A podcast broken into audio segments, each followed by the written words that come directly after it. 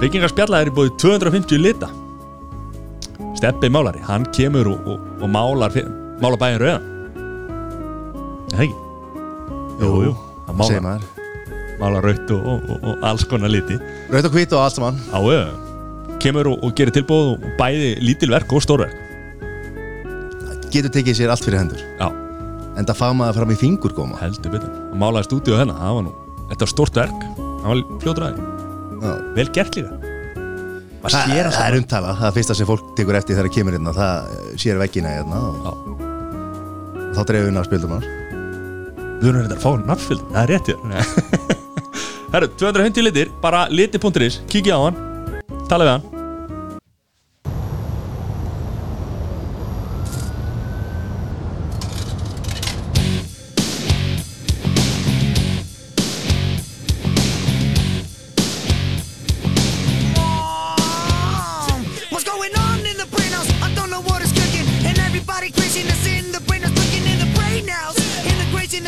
Hvað má ég spila þetta lengi áður en ég þarf að fara að greiða fyrir þetta?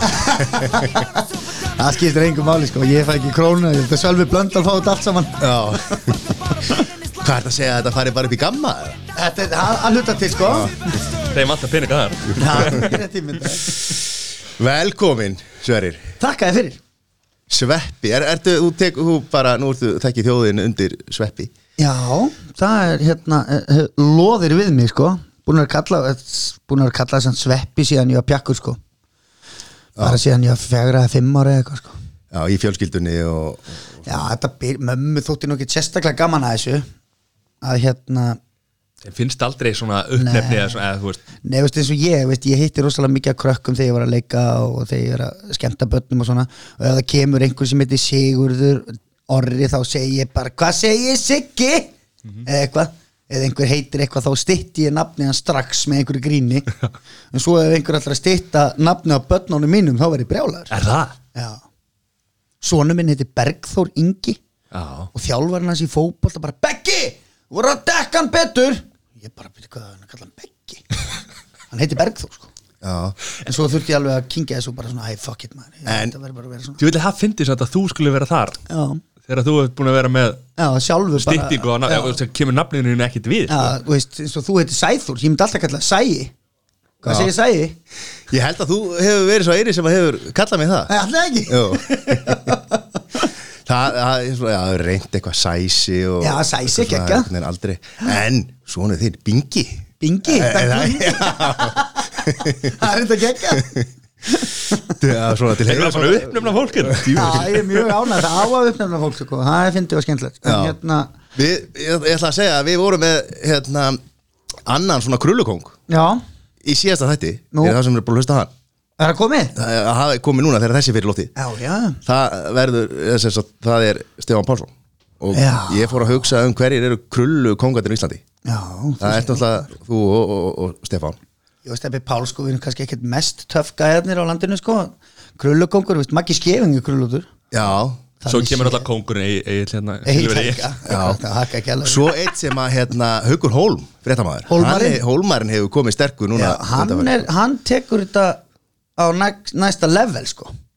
Hann er með, hann er með svona síðar krullur. Veist, það, það er flaksa í vindinum sko. Ertu ekki að fara að vinna með það? Hólmarinn er bara, neða það er bara ekki Hann er bara eins og að sé bara með moppu á hausnum sko. Já Dóri Gilva Dóri Gilva sko Já. hann náttúrulega lendir í því, því stundum að vera kallaði sveppi svona krakkar sem Já. ei þú sveppi af því að við erum mjög líkir sko svona svipa á þegar við fengum hérna, fengum steinármann til okkar í fyrsta þá þá var eitt svona yngri kýstóðinni sem að sem að sá, sá að labba út með hann og sagði Nei, ert þú ekki keli? Er hann vissi ekki, vissi ekki að þetta var steinármann sko. hann vissi bara að þetta var keli sko. Já, ok. en þe- Já. þessi Var að eftir leika- var samt var alveg sko rúmlega tvítugur sko. Já, Þú veist. bara leikja ófærið og, og þú veist náttúrulega bara radjúsbræður og allt, allt dóti sem hann er búin að gera Já, og líka Kili er bara, veist, hann er bara með hendina upp í einhverju dúkku sko sést aldrei Já. besta jobb sem Steinn Ármann hefur fengið sko Já, Bara tala með bara rauðeður bak við eitthvað borð sko bara með hendina upp í einhverju dúkku en það eitt, sko. eitt besta atri áramóta hérna, sköpsis þegar að þegar að hann og Ásta Já, hérna, þegar hann kom undan borðinu já, Já, geðvikt sko Já, þú hefur nú tekið þátt í ánum sko. Við vorum að tala um listan um krull, krull, krull, krullu kongara Já, Er það enginn að nefna Davíð Oddsson? eða? já, nákvæmlega Er hann ekki formaður klúsins? eða? Það má eiginlega segja það, hann er náttúrulega forsprakki hérna gríns í útvarpi sko Já, Hann var með, hvað heita?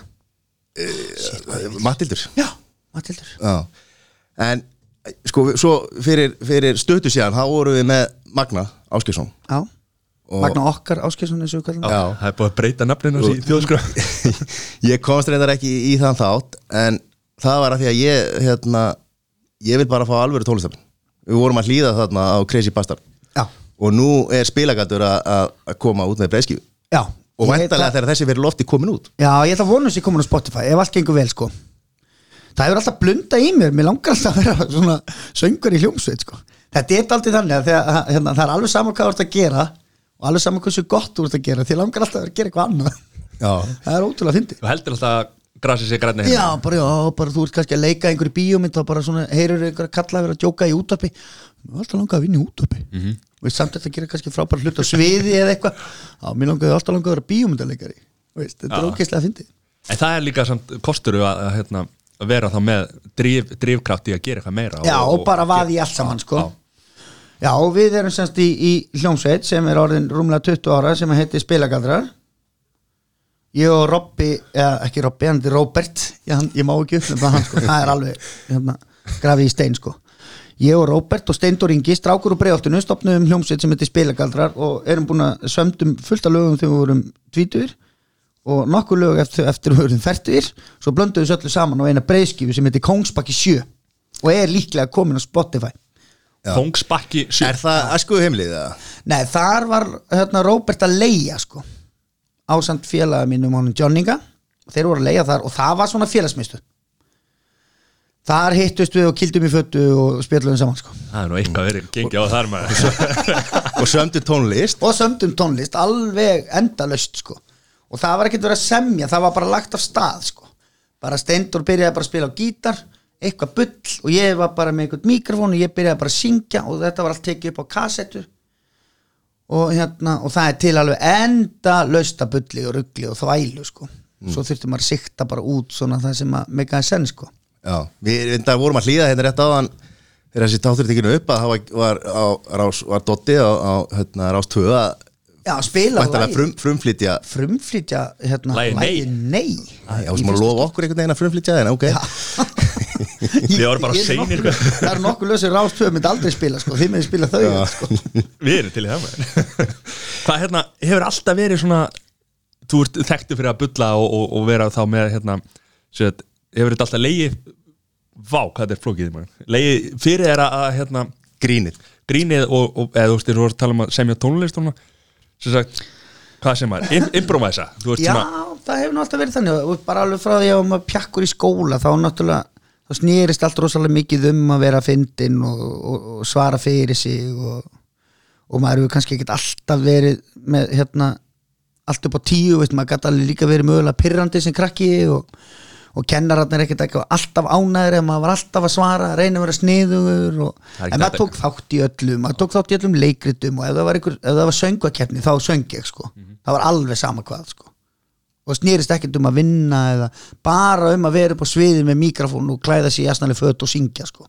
smá aðteglis já, bara löðrandi alveg bara löðrandi aðtilsíki sko. ekkert að því Nei, nei, svo lengi sem hún er ekki bara veist, uh, að maður sé ekki óþólandi Já, þannig að það hefur alltaf leið hérna, það stóð ekkert annað til einhvern veginn sko, heldur en þetta sko. En söngferðin, hvað hérna Hann hefur leiðið dvala maður. Já, hann hefur leið dvala sko, það er hérna ég er nú ekki sérstakur söngur ég man þegar ég söng í, þegar ég var að leika hérna kall á þakinu þá sagði bróður minn, hérna hann yngvar hann sagði það er ótrúlega fyndið að hlusta á því þú ert með nákvæmlega sömu rödd og Hallbjörn Hjartason Það er ekki amaleg líking sko. Nei, alls ekki, já, kannski svona í setni tíð jú, en, Já, jú, jú. En hérna Já, voru að gleyma. En veist hérna hver hefur syndið verið að draga sko. Það, og, og þegar ég fór svo e- eftir að hann sagði mér það þá var ég að syngja kalla á þakkinu og hvert einu skipti sem ég söng þá var ég alltaf að hugsa um hvað ég var í líkur hallbyrni hjartasinni upp á sviði með reyfil á bakinu sem er mjög gott. Þannig að hérna Já, hann, já, Hallbjörn, hann var svona badakall líka í svo Já, já, hann er gaman að krökkum. Já, já, bara eins og bara á annan hátt. En sko, Ok. þú hefur svo fengið að vinna með frábæru, náttúrulega alltaf sko, tengist uh, honum hérna, Sverri Bergmann. Og svona í, í gegnum, gegnum þann hérna, feriðinn allt svona tengdur honum. Crazy Bastard sem eru náttúrulega Kvarasi Já, Robby, a.k.a. Robert. Já og þú svona er ekki gaman að, að því þú er gaman að syngja að vera svona tengdur tónlistamönnum Jú, geggja og ég náttúrulega hef farið nokkru sinnum líka með Ingo við Ingo er en góðu vinni sko. Og hann, honum finnst voða þægilegt þegar ég nenni með honum að gigga. Mm. honum finnst þægilegast að vera bara að spila á gítar og einhver annar syngur sko. Já, það er fyrir að taka bara Raka Bjarna og Ómar Bjarnason. Já, bara- Nei, Ó- Ómar Ragnarsson segi Já, við tökum alla skalan og ég bara stend við mikrofónin og svo bara, Ingo, stuðmenn og það er bara, viljið að þið taki æði og rífið það með fáinn klæði og svo bara nýtönsk hjálpaði mér upp og svo bara, hann spila bara og ég vel bara lögin og hann alveg endalust ef við erum að gigga sko. Þá var, ég dyrka það sko. Ertu með textan alveg á hreinu? Já, ég er, ég er rosalega ég kann alltaf svona íslenska texta sko. Það er geggjað maður og, og, og ef maður kann það ekki þá bara Já, já, já. tekur maður Helga Björns og snýr bara mikrofónum út í sal má ég heyri ykkur Er ekki alveg sexy? Já.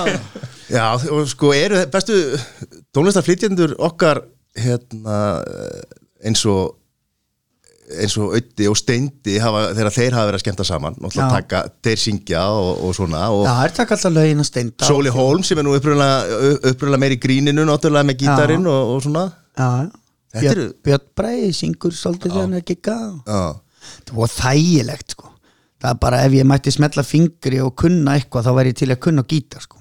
Já, Það er ótrúlega þægilegt að geta gripi að, að fela sig á bakvið gítarinn sko og syngja nokkuð lög og eitthvað svona sko Tekur einhver, og svo grínvísur og svona sko Akkurat, sko. Eikar meira sens þegar það er eitthvað lag undir og eða þú veist það er hægt að, að fela lélegt, lélega vísu í bakið eitthvað lag sko. sko. Það er nefnilega mjög gott sko ég, En ég kann ekki á gítar þannig að ég fer oft með Ingo og Maður sér það samt alveg eins og brekkusöngum hann er fyrst óþægilegt að syngja sko Nei. hann er ekki Nei, hann, er hann, hann er samt ekki svona sko Hann er ekki eins og Helgi Björns þú sér Ingo aldrei dansa sko Nei.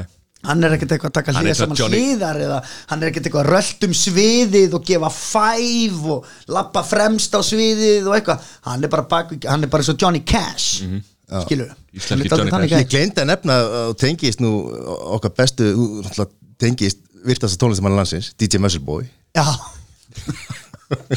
Já, já. Jú, jú. Já, já, jú, því sko. og hérna, já, og nýjasta myndbandi Já.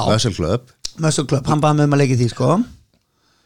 Hann, það var bara það ekki, ég segi bara já og gil sko. Og er bara með fría fytumælingu til æfiloka sko. Já,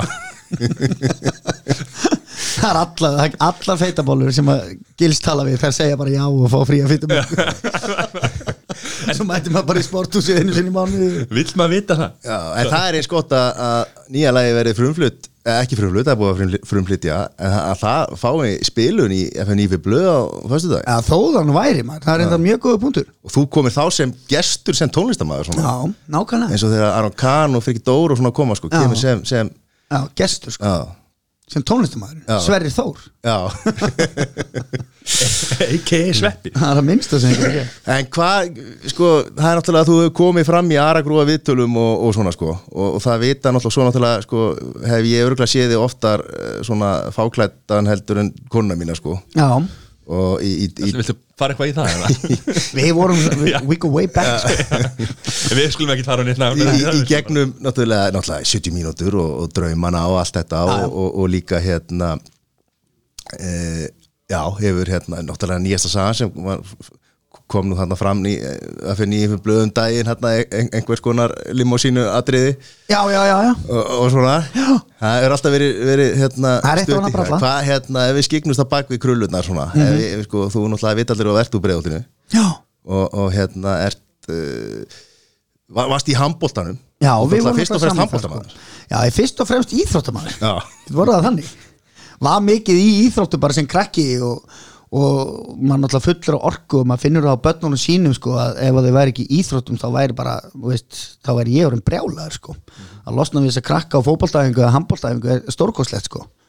Og það var náttúrulega bara sami upp á teiningnum hjá mér. Ég hérna æfði bara handbólta og fótbolta og fannst hvort ekki mjög skemmtilegt. Þar kynnist ég mínum bestu vinnum og, og, og svona þegar maður er orðinn fullorinn þá finnst mér sko, þá finnst mér vera ótrúlega mikilvægar bara fyrir krakka. Það er, það er einhver stemming bara svo þú þekkir inn í klefanum og á æfingu og þar er, þar er einhvern veginn bara eru mannleg samskipti bara ofar öllu og þú þarft að tala við leikmennin á vellinum og svo þarft að geta svara fyrir þið inn í búningsklefa og, og mér finnst það skipta mjög miklu máli og ég vil meina að hérna, það hafi alveg sé partur af því sem ég er er út af því að ég hefði hópíþrótt í handbólta og fótbolta sko Já, getur grínast þar svolítið meira heldur en í skólunum eða sem sagt Já, inn, inn í tíma sko, Já, Þú já. Veist, að, hérna, það er svona það er, það er enginn að sussa mann endil á handbóltaðingu sko. já, þar getur við öskrað á alla og djókað og hleyið náttúrulega nema þegar þjálfarinn er að tala sko. já, já, en hérna það var hérna, mjög skemmtilegu tími sko. og var alveg heil lengi í sko. já. mörg ár Var ekkit aðdurum með sko draumur eða?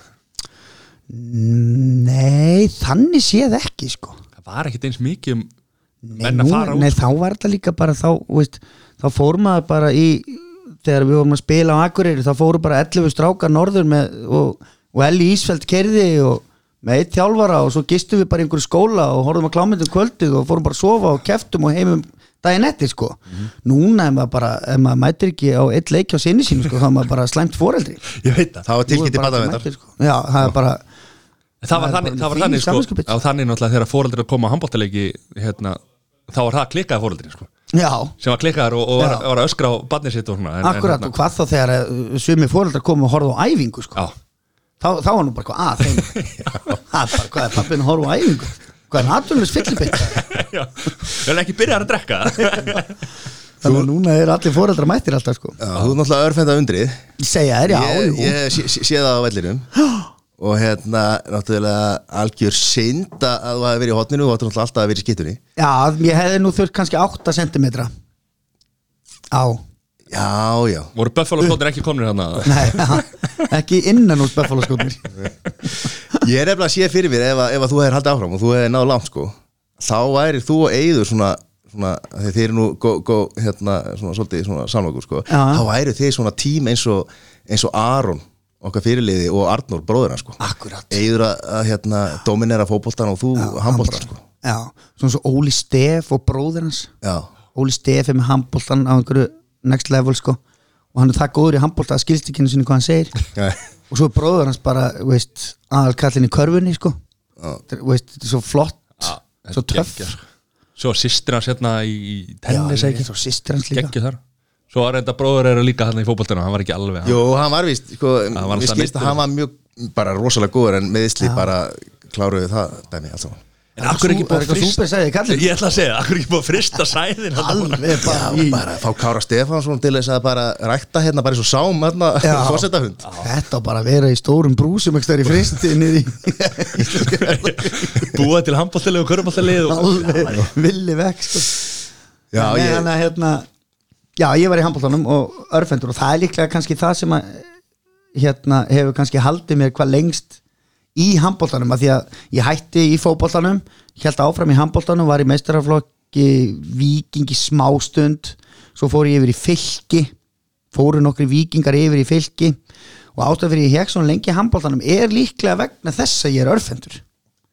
Það, nefnt, það var aldrei neitt tilbúin að vera hæ, hægra hotni eða svona sísta staðan sem menn vilja spila Það eru Rétt- fáir- réttendur maður allan. já, Já. það eru fáir örfendir og hérna sem að hjálpaði mér náttúrulega bara að halda áfram þannig að maður var einhvern veginn alltaf bara með ég átti bara hægra hotni Já. var bara þar og bara, veist, það var alltaf bara liðinu var róterað einhvern veginn og tralala og sveppið út í hotni veist, það var alltaf bara þannig, það er svo næs sko. Það er mjög næs En ekki no challenging kannski á móti Nei, Það var aldrei samkefni, ég er alltaf bara með En þetta er náttúrulega þú veist, byggir grunninn af svo miklu að vera í sem, bæði íþróttalega séð sko, þú veist, að því að maður sér alveg þú ert alltaf liðtæpri svo í 70 myndum og, og þessu, þessu íþróttakeppnir og. Já, já, það var alltaf Pétur Jóhann alltaf fyndi hann hleypur sko að já, hann náttúrulega veit ekkert um íþróttir sko.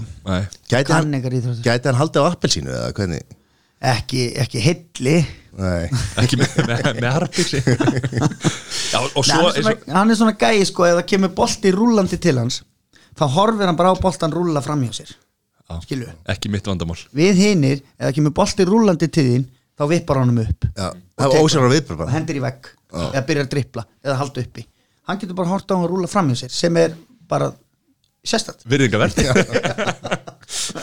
en svo eins og segir þessi mannlega samskipti er náttúrulega þetta eru uppvakstar árið sem maður er að mótast og, svona, og Já, þetta er, þetta er mjög góð punktur að að halda börnum í íþrótum Já, líka bara sko upp á það að þú ert bara að vera liðið sko og, og þarf þetta samvinna sko. Já, hún er fyrir öllu sko. Já. og, og, og þetta er það sem ég legg líka bara daldi upp úr með mínu börnum sko veist. kona mín er, er hérna mikil skóla stelpa og er ennþá í skóla, ég er búin að vera í skóla síðan í kynnti sen held ég sko. Algjör skellur og nú er hún í doktorsnámi ég veit ekki hvað hann ætlar að gera eftir það. Þannig að hún leggur náttúrulega mjög mikið upp úr því að krakkarnir læri. Ég legg rosalega mikið upp úr því að krakkarnir fari í félagslífi sko. Já, og séu bara í einhverju skemmtinemnd eða ritnemnd eða veist, einhverju ásatjánemnd og séu að fara á fundi og þurfa að ringja símtöl í einhverja skemmtikrafta sem er að skemmta á vælinu eða undibú eitthvað og leia hörpu eða þurfa að tala við fullari fólk í, í samskiptum. Það er, veist, þetta er námið náttúrulega nummer 1 og 10 en hitt er samt alveg líka daldið stór partur finnst mér alveg sko. það er svona veist, að taka upp síman og ringja Já. Það, er það sem við meina- gerðum alltaf bara, Já, ég meina og ég finn það, ég man bara eins og þið voru að tala um Stein Ármann hérna sko, ég man bara þegar ég var sko í tíundabekk þá var ég hérna, hann er náttúrulega bara fyrsti kallinn sem ég dyrka sko. Þegar ég var í tíundabekk, þá, þá ringdi ég í Stein Ármann og baði hann um að koma skemmt í breiðholskóla og það mátti ekki, ég, ég fekk ekki 30 skall til þess að og þá var hann að lækka sig og alveg og ég þekkt hann aðeins að því að við höfum unni saman, það veit hann nú enginn sko. Ég, í hérna við unnum saman þegar ég var í nýjöndabekk þá kom Ágúst Guðmundsson leikstjóri og var að fara að búa til einhverja bíómynd og var að leita krökkum til að leika í myndinni og hann fær einhverja krakka sem er í leiklistanámi í einhverjum grunnskólum í Reykjavík til þess að koma í pröfu og við fyrum í pröfu ég og nokkri krakkar úr breiðálskóla og eftir þær pröfur þá hérna fekk hann mig og einn annan strák sem heitir Eiríkur. Myndin var svo ekki gerð, fekk ekki styrk og eitthvað tralala. En hann fekk mig og, og Eika til þess að koma og vinna í jóladagatali sjónvarpsins. Og þá að vera að setja upp þá að vera að taka upp jóladagatal sem hérna hétt einn á báti og í aðal hlutverki var Gísli Halldórsson heitinn. Og hann er semst að báti og reyna að komast heim um jólin. Og svo var hérna Ísbjörn sem er leikinn að kjartan í Bjargmund sinni eitthvað svo og svo er semst að kráka einhver, einhver, einhver, einhver hérna, krummi sem að Steinn Ármann leik og ég í nýjöndabekk var þarna bara eitthvað að sópa upp í stúdíu hjá Rúf og Steinn Ármann alltaf eitthvað að vappi kringum okkur og ég bara með búðingi buksur mér finnst þetta geðveikt sko. bara Steinn Ármann með radíusbröðurinn og flugutnar og mér langaði alltaf að fara til hans að tala við hann um eitthvað sem hann hefur gert sko. og þá fór ég að ringi í hann og beða hann um að koma að skemmta og svona kannaðist aðeins við hann. En það gekk ekki sko. En símtali, veist, ég skalv alveg þegar ég var að ringi hann og taka símtali og, og, og svo hef ég lent í þessu náttúrulega mörgum árum setna þegar krakkar og, Já, er þetta sveppi? Já. Sæll, ég heiti Gunnar, ég er hérna í, formaði skemmtinemndar í, hérna, í Fl- Flensborg. Við erum með hérna, skemmti kvöld og veist, þurfa að byggja sér upp í að tala við maður, maður bara, já, einmitt gaman heyri ég félagi, hvað, hvaða dagur er þetta? Maður heyrir alveg að það er stress í gangi. Já, stress í gangi og allir í nefndin og bakvið og svarar hvað sagði hann og allt þetta sko. Þetta skiptir gríðlega miklu máli. Þetta er miklu skemmtilega heldur en að senda bara set, hérna, messenger eða eitthvað bara á, sko. veist, það, það er alltaf svona auðveldaliðin sko. Það og það er náttúrulega það sem er núna og er eiginlega aldrei pyrrand því að sko, ég man bara eins og þegar við vorum í strákunum og auð og sveppa svona 2010 eða eitthvað, þá komu fengu við stundu tölupost frá krökkum sem að voru að fara að taka upp einhver vídeo eða taka upp hérna já, íslenska kvennalandslið í fimmleikum er að fara á stórmót og okkur langa að fá einhverja pepp þá kom einhverju gæjar með kameru veist, þrýr úlingar upp á stöðu 2 og fá mynd okkur þar sem við segjum eitthvað, áfram flesborg eða whatever sko. Veist, og það er alveg strætó og VSN og ringja og tölupostur og eitthvað svona. Núna fæ ég bara einstöku sinnum og messenger bara pling, sælsveppi við erum hérna í þessum skóla. Gætur þú tekið upp eina kveðju hérna fyrir ásatviðina hvað, veist þá var ég alltaf að sitja bara með síman og bara Já, kæri vinnir, ég óski ykkur góra skemmtunar á ásáttíðin í kvöld og mæli með því að þið kíkja á steina á barnum eða eitthvað. Já. Svo bara send, takk. Þá er það bara mál dögt Það er ekki verið að hittast eða Nei, Já, það ég veit ekkert hvað fólkið er Þannig að maður bara svona, herru, fuck off maður. Já, Ringdu bara í mig og kotti í strætu Gamil, gamli skólin Ertu með bílbró, mér er alveg sama, það er samstrætu Það er að vera vesen fyrir Já, gera svona aðgengilegur Þetta er alveg góða punktur, sko, en svo er náttúrulega líka eru sumir sem vilja bara fá skilab Þú veist, Já, ekki að láta trubla sig og allt þetta, þetta, svo, er- þetta er er gott og alveg slæmt, líka sko. þægilegt sko. Einstöku sinnum ef þetta er eitthvað svona sem að kannast við bara heyrðu við erum að taka upp hérna brúkupsvídeó getur þú senda eina kveðja á hana Stínu? Þá bara gerir maður það bara í bílnum í tíu sekundur þá er mál dögt sko. Já. þá er þetta ekkert eitthvað, heyrðu við að hittast í Kaffi Milano eða? Hörru, ég kemst ekki á þriðdæðinu, hvernig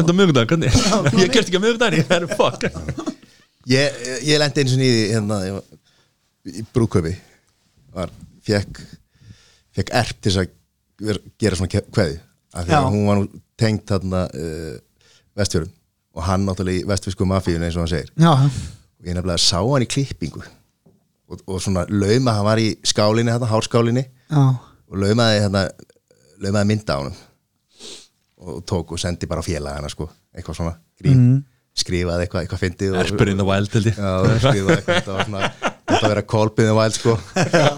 Og, og bara det, þetta síðan hug bara, heyrði, ég fæ hann bara til þess að henda kveðju. kveði og hann veit þetta og hérna uh, og hann bara ekkert mál. Svo kemur eitthvað svona kerrustrákur eitthvað og byrður um að gera eitthvað og hann bara ekkert mál, elsku kallið minn ég bara kíkja á þig á eftir og alveg bara hérna elskulegur og, og Ljúfur allt eins það, og lamb. já, og svo fórum við og tókum hann, hann tók á síma minn hérna eh, margar klippur og var að spáði hvernig það gera þetta. Svo var hann að skoða þetta og myndböndi sem var að gera. Og nýjasta myndin var náttúrulega mynda honum mynda af honum og eitthvað. Hún að bara svona, já, í, í, í klippingu sko, í, í skálinni honum. að hann er bara gaman aðeins sko, þetta var svona pínu vandræðilegt bara eitthvað, það var bara fuck. Líka fullorðin maður. Maður myndi skilja þetta að væri úlningur hei, ekki, tekka mynda. Nei, nei, það er bara sæður, lögfræðing þetta er er ekki að laumum þetta elpu með ekki þetta er ekki ekki sá Sendi bara vini mínu sko hvað, hérna, tókstu mynda með þér klippu já, já, já, það hefði verið skárra ef þetta hefði verið bara tippamynd já, já, ekki hefur verið betra. Það er þitt. Já, ég ætti að senda það sko Hann sendi náttúrulega lagamynda, sko. Dick, aðja, tough crowd. Hvað er og þú, hann að þú varst, varst í félagslífinu hérna í grunnskóla og í, í FB og svona. Já, það var mjög mikið. Það eiginlega hérna, trublaði, skólagangan eiginlega trublaði allt þetta félagslíf sko. Já, maður segja það?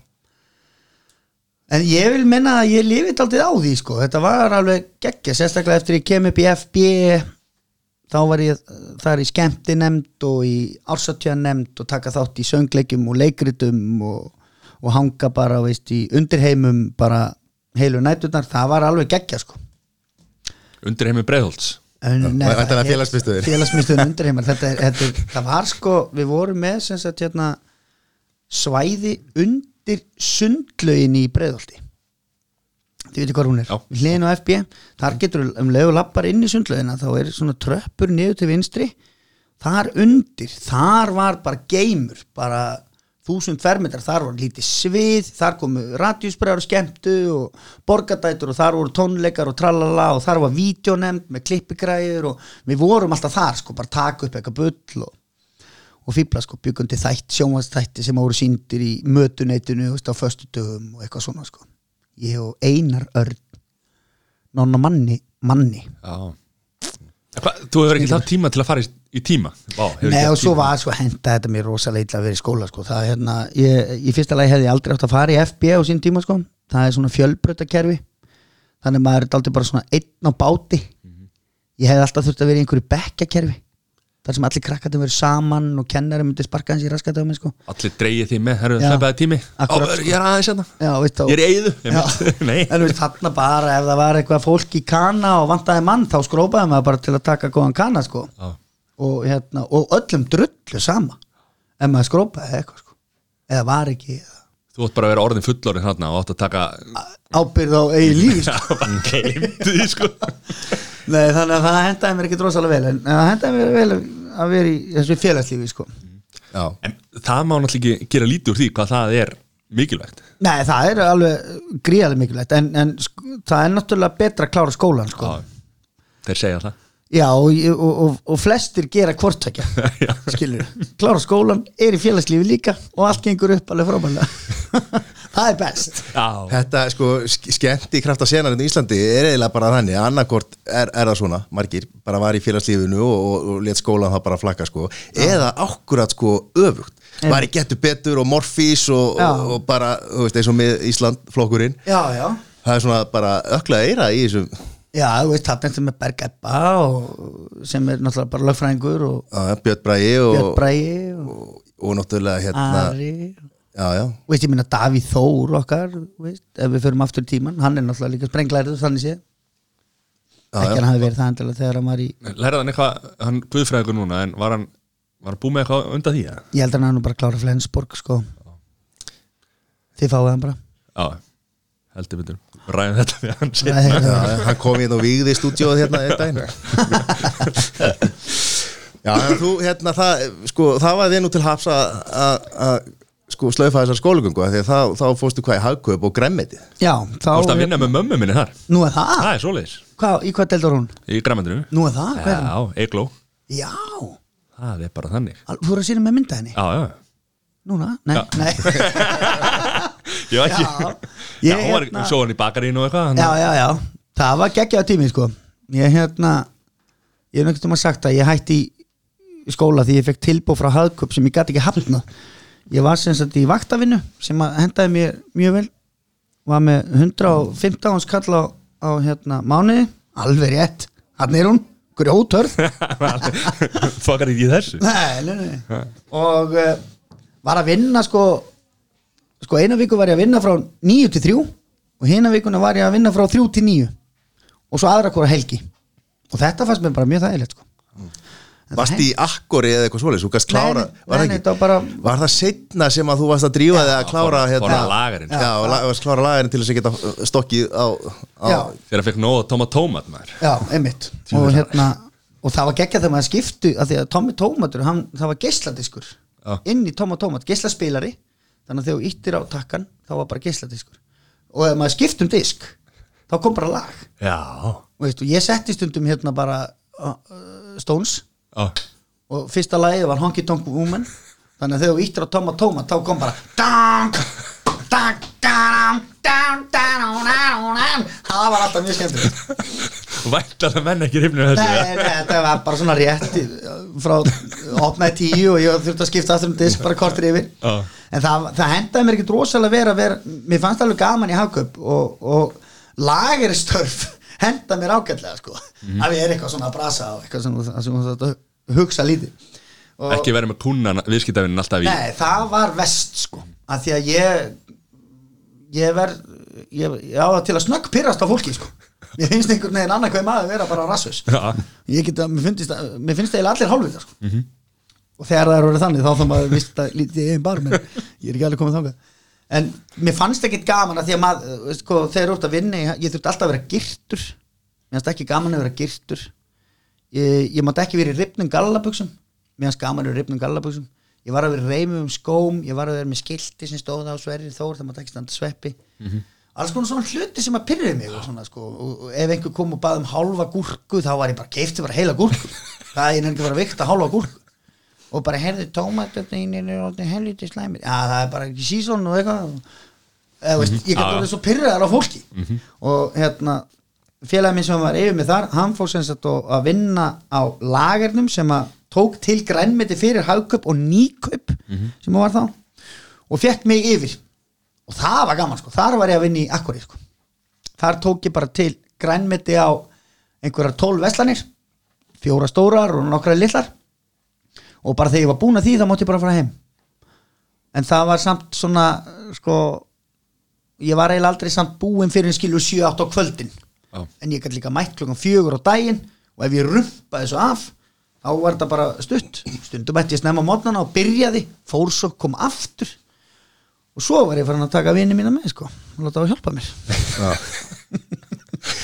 Stráka þið fáið tómatina fyrir. svo stálum við einhverju smá grammiti og netum og drastli og fórum heim í Playstation og vorum þar allar nóttina. Það var mjög gaman sko. Þessi sveigjanlegi vinnutími það er, það- það mjög skemmtilegt sko. Já, og það hérna þú varst, þú varst ennþá í því það ekki? Nei, þegar, þú gengur til góðs. Sko, geng, þegar, sko árin ég labbaði hringin þá var ég, þá var ég hættur í hagkaup. Ég var fann að vinna í leikskóla. Já, vann í leikskóla fyrir hádegi og eftir hádegi var ég í hérna var ég í hérna að vinna hjá Þott G verktökum sem var að smíða básabryggju, hús í básabryggju. Þar var ég bara að skafa snjó af spýtum og naglhreinsa og bara eins og hver annar verkamæður og það fannst mér líka gett gaman sko. Bara maður eitthvað mökka og drakka kaffi og rífa kjæftu einhverja kalla og ískallt og eitthvað svona smá þessu. þegar ég var sendur í húsasmiðuna sko. Er það að fara í húsasmiðuna og kaupa þetta nagla eða eitthvað drasl? Þá var ég að keira, maður tók alltaf aðeins lengri leið og hlusta útarpið og það var mjög gaman. Og svo það, ég var að vinna í þessum tveimu vinnum sko þegar að hérna, simmi hringir og byggði mig um að labba hringin í kringum Ísland sko. já og söpvið eða ekki? Nei, það var ekki, það var í búið, það voru, veist, þetta er simmi sko, það eru svona áttastiltaræðilar ég, ég var nú að vísa það nú bara í Góður. nýlegt deilumál. Já, ég búið Nei, allir það, sveimi það Það er búið hlölla, ef það væri núna þá var það búið hlölla á það og bara í honum og bara í honum. Nei, þannig að það var hérna þá svona fór fór boltin eitthvað eins að rúla Þekktur hann eitthvað fyrir þetta? Sima, Já. já, hann hafði verið með okkur hann æfiði í, í handboltanum. Var með í, kom í ír í handbolta. Já, æfiði með okkur þar. Já, skemmtilegasti maður á velli. Alls ekki, Nei. eitt leðilegasti maður á velli. Já. ógæðslega leðileg sko. Hvað þá? Tutti og bara stór og sterkur og rauðhærður frá eigistöðum kastan í og bara með stæla og bara svona kokki maður fokkar sko. Veist það er skemmtilega að vera með honum í liði heldur hann á mótunum. Mm eiginlega í öllu. Já, líka bara í, bara í daglegu lífi sko. Og rétt að sannum alltaf sko. ekki Skúli, þekki það. Já, haldur simma góður. Það er bara Ég er að kenna bönnunum mínum sko.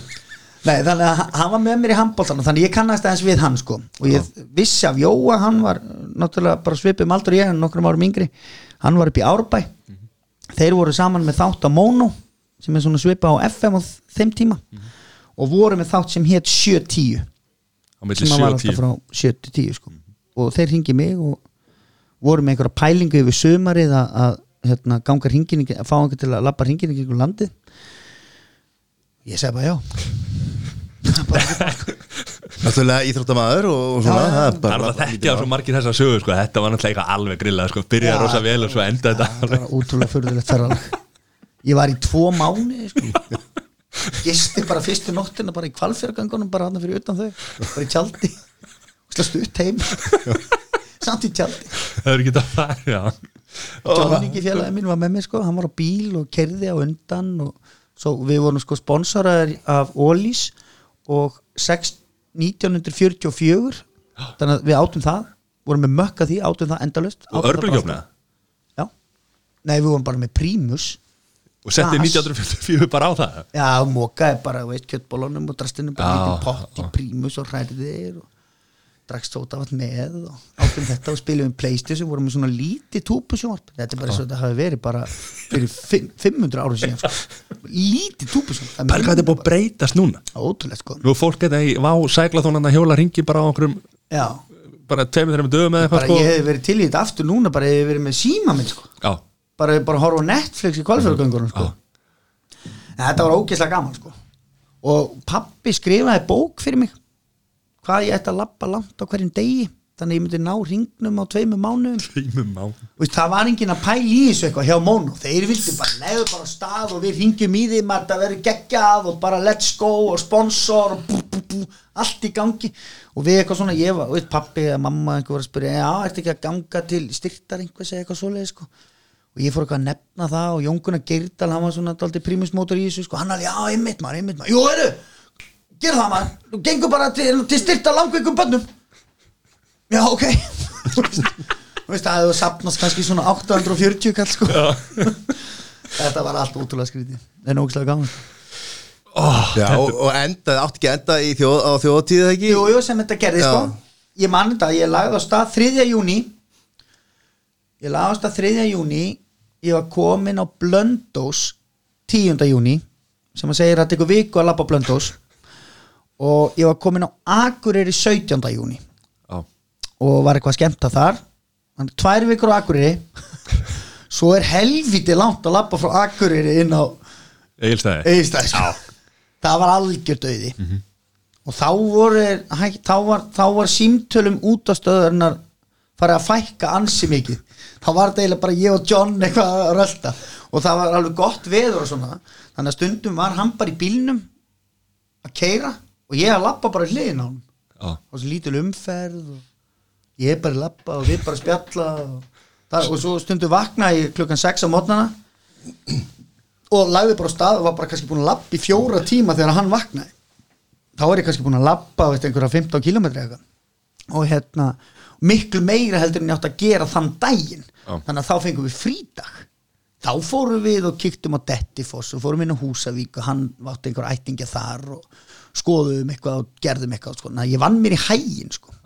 En lappaður allar hringinu Já, ég gerði það, ég, það var náttúrulega svindlaðan í kvalfjara göngunum það, við vorum að reyna að ljú okkur einhvern veginn út af því sko.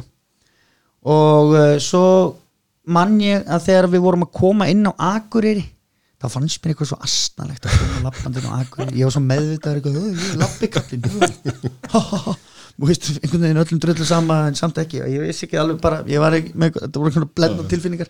Þannig að ég, við stoppuðum rétt fyrir utan Akureyri gerðum bara inn. Og, og daginn eftir byrjaði ég þarna hínum með við brúna Já, já.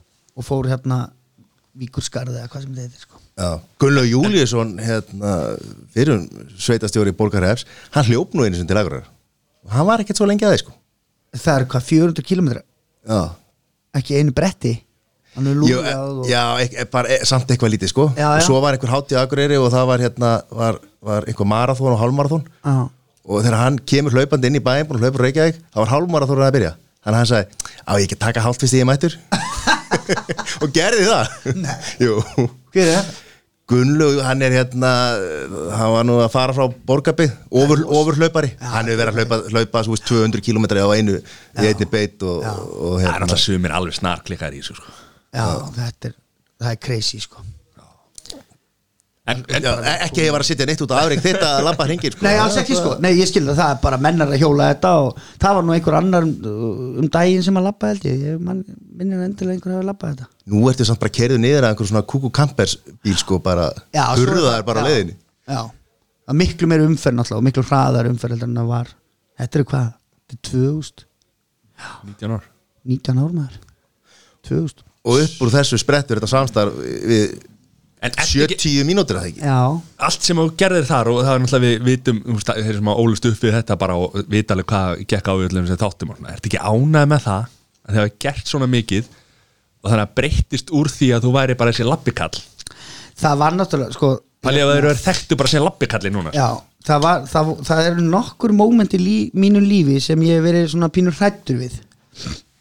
Fyrst var það náttúrulega þetta að vera lappikallinn Reyni Pétur hann var Já, undan, Pétur sko, veist. rúlla þessu upp og gera þetta bara stórkostlega sko. Og svo kem ég og það og ég var alltaf líka alltaf meðvitaður um það sko að reynir Pétur náttúrulega er bara okkar legend sko. Og það á enginn að fara að feta í fótspor hans. En ég gerði það samt. og ég, ein, eins og þú segir sko, ég var alltaf hrættur um að vera lappikallin og ég man ég lagði alveg sérstaklega áherslu á það til dæmis eins og Jón Gunnar Geirdal var þarna og Simmi og Jói og Pálmi Guðmunds að ég mynd, ég, eina sem ég vildi var að þetta væri ekki endastuð ég væri ég, hérna, mér var alveg saman hvað ég fekk borga fyrir þetta ég, ég væri bara til að fá þátt á móno eða gera eitthvað og að þetta, ég leit svona á að þetta væri svona fóturinn inn í dittnar á í þessum bransa, útvarpsbransanum eitthvað, mér var alveg drullu saman hvað ég myndi gera bara að væri eitthvað svona fjölmiðla tengt sko að því að ég var svo hættur um að vera bara veist, ef væri, það væri bara hvar er hann nú? Sveppi, hver manni getur honum? Hann lappaði nú ringin í kringu landið. Hann vinnur ennþá á lager hjá Íka en rosa hress og eða eitthvað skilur Vinnustaðagrínari. já, vinnustæðagrínari en alveg ég var rosa hrættur um það og einhvern tíma svo stutt eftir ég byrja í 70 myndum þá, þá borðaði ég orma í beinni útsendingu lifandi maðka út af því að ég var eitthvað auglýs eitthvað fyrfaktor sko. Já. þá var ég mjög hrættur um að ég er þekktur bara fyrir það að vera kallin sem borðaði orma. Þegar ég pissaði buksunar Já. þá held ég að það myndi loða alltaf svona við mig sko. En svo einhvern veginn hefur það bara ekkert gert sko. En það er líka bara því að það er svo mikið margt svo- annað já. og það er alltaf eitthvað sem toppar eitthvað og ég man bara með hverju árinu sem leið og það er eiginlega svolítið ætla fólk aldrei að fatta hvað ég er mikill hálfviti sko? Ætla það bara að kaupa allt þetta drasla mér að gera sko? Ég meina, sko við, förum aðeins í það eins og eftir skilur en, en það er náttúrulega það sem þú ert að gera er að gera heilum hug og, þú veist, ég meina eins og. Guðjónsson serían og þú veist, fullt af sjónvars þú veist náttúrulega búin að kalla það ekki náttúrulega þú veist, þú náttúrulega ferð úr hvort sem þú ert karakter eða, eða ekki skilur já, já, þá er svo margt sem þú gerir sem að er vel allt efni gert með villa ég meina Já. þetta já, er alveg- barnastöfið allt saman sko Já.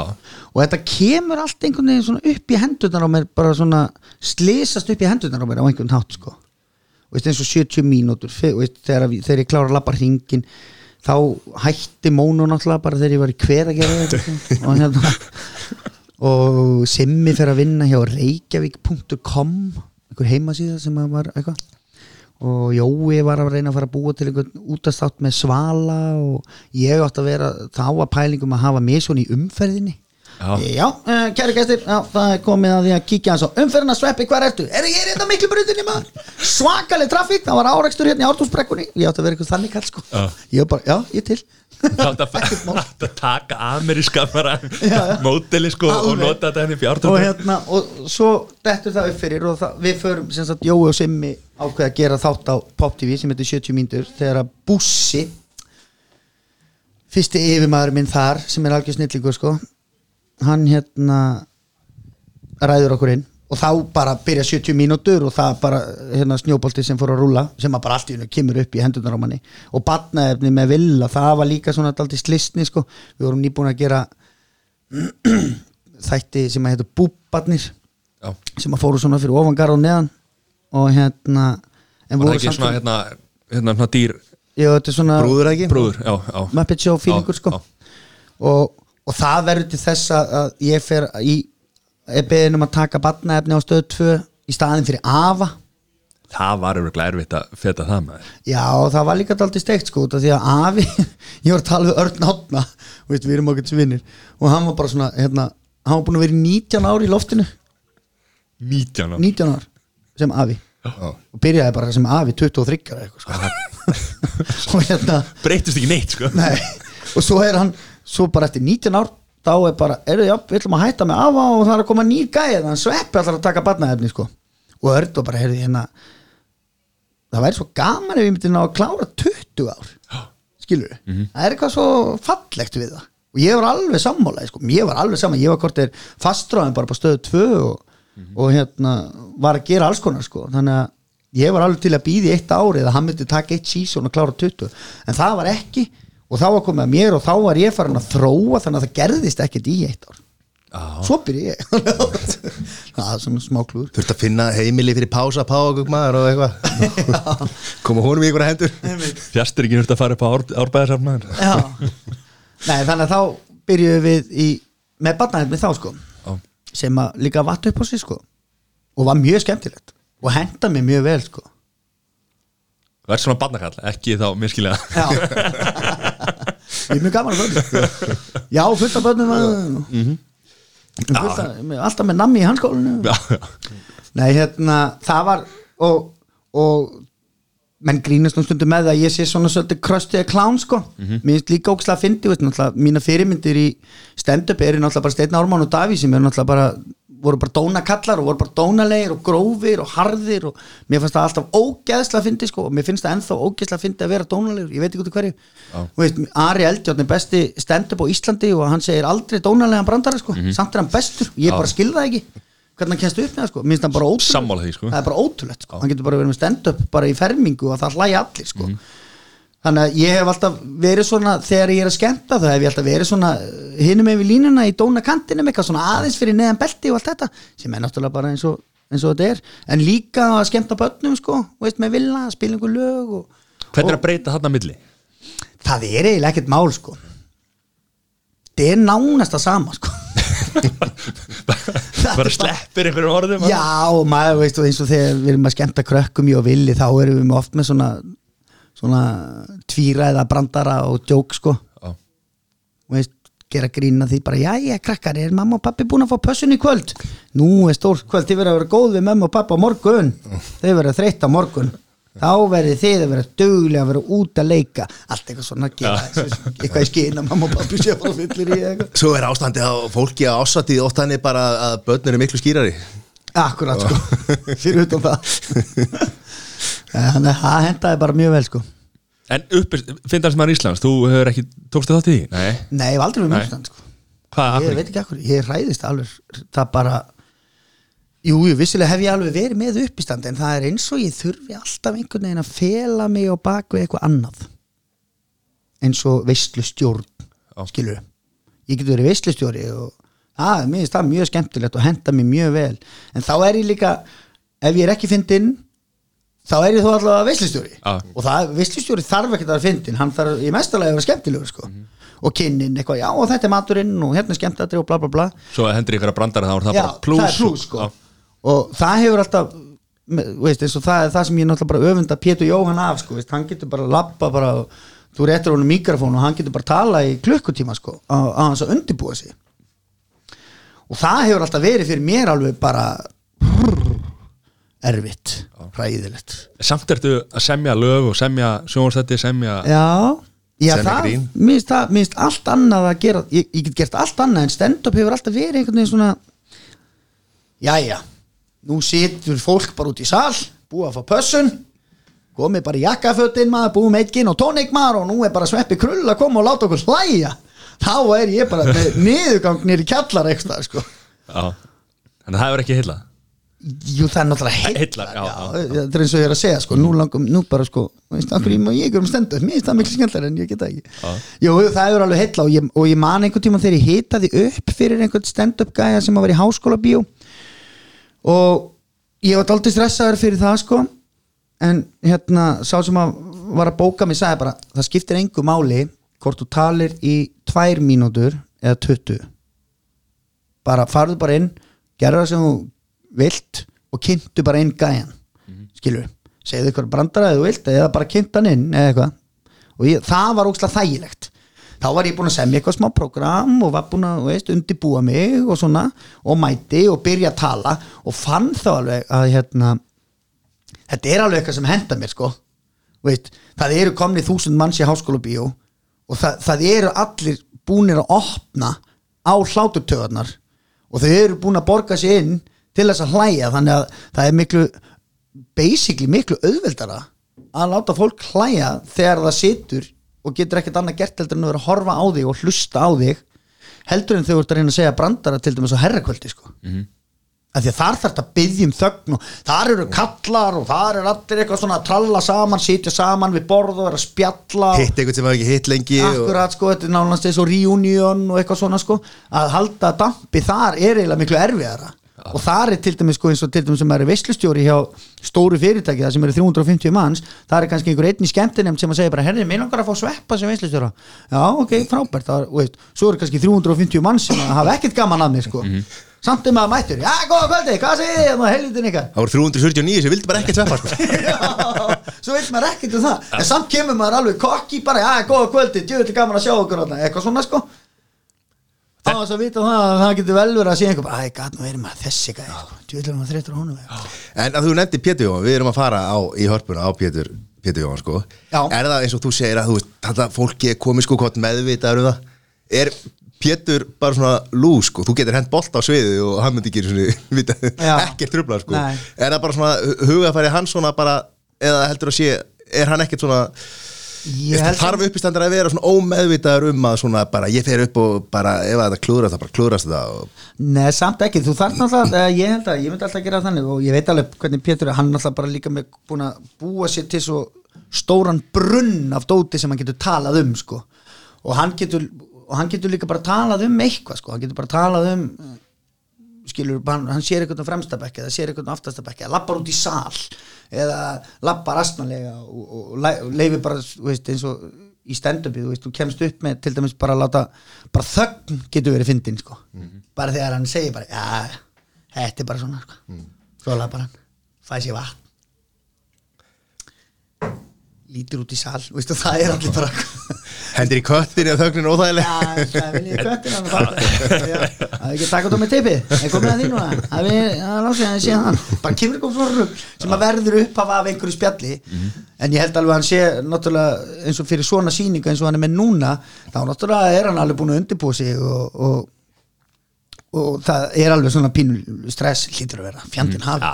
Það líka- En þarna er, þetta er svo góðu punktur það sem við varum að tala um áðan sko, að, að, hérna, að, að þarna, ef, er, ef þú ert með uppistand þá er fólk að koma að horfa þig Akkurat sko og hefur húmor fyrir þér Já. og veist, veit svona sirk, eða veist, veit kannski Já. hva- hvað er að fara að gerast en Einmitt. hefur fylgst með þér og veit hvað þú ert Já, en þegar þú ert á herrakvöldi eða eitthvað þá bara svona, Öllum sama, þú veist, ég, fólk er að koma að herrakvöldi til að hitta vinni sinna og drekka bjór og, og hérna, borða mat sko. saman sko. og ásatið líka er svona bara það er á rétt sko þannig að ef að maður myndi svo er það líka eitt sko sem er svona náttúrulega bara sem að allir skemmtikraftur hrætti við bara ef að ég myndi, já já, heyrðu, ég ætla að vera með stand-up í háskóla bíó og það er bara farnir 200 miðar bara daginn fyrir. Skilur þú, þá var alveg fuck maður maður gefa henni 800 miða í útvarpinu og þetta er algjört henni ég vissi það, ég sagði þér, við erum aldrei átt að gera þetta. Veist, það, það Já, er líka alls konar svona brestir í manni sko. Maður, er, maður er hrættur lítill Alveg og maður er rosa sko. kokki með mikrofón sko. Ó, Bara ef þú kynir á gítar maður Þá, getur þú farið Þá er að alltaf segja það, að svo útspýtt hundspýtt skinn. Já. Nei, þannig að hérna, en þá er eins og segir þá er allir konni bara, veist. Þeir sem að fíla minn húmor Já. þeir sem bara, heyrðu, sveppa með stand-up hérna í háskópi við verðum að sjá það, sko. Mhm. hann er crazy, sko, hann er alltaf bara veist, það fyndið hann í dónalegur og tralala. Já. þá mæti bara það lið, sko. En svo er nefnilega málið að, að ég fylgir svolítið með uppistöndurum, erlendum uppistöndurum og svona, þá er það, eins og þú ert að tala um, þegar koma fáir þá bara er það gæjar sem að halda samt bara sama sjóið, þó að séu tveir í salnum. Það skiptir einhver máli. Já, já. Veist, og það er líka alveg rétt, sko. Það er hérna, auðvitað er að bögga til skilur já, en svo á, áður ekki að skipta neinu máli, sko. Nei. þetta er bara fokkit og upp og áfram, sko. Já, Það er líka, senan er allt öðru sko, við maður er farið í, í LA á hérna, alltaf Comedy Club og, og Laugh Factory og allt þetta sko. Það er bara pínu litli salir. Já. það er ekkert svo margir í, í salnum sko. Þetta eru innan við 200 manns Já, já, og, og oft, oft færri sko. Hérna þarftu bara að vera í hörpunni eða þú veist, háskóla bíó eða Og við erum á eigu sko. Já, Og það er annarkvæð maður stand-up gæði sko.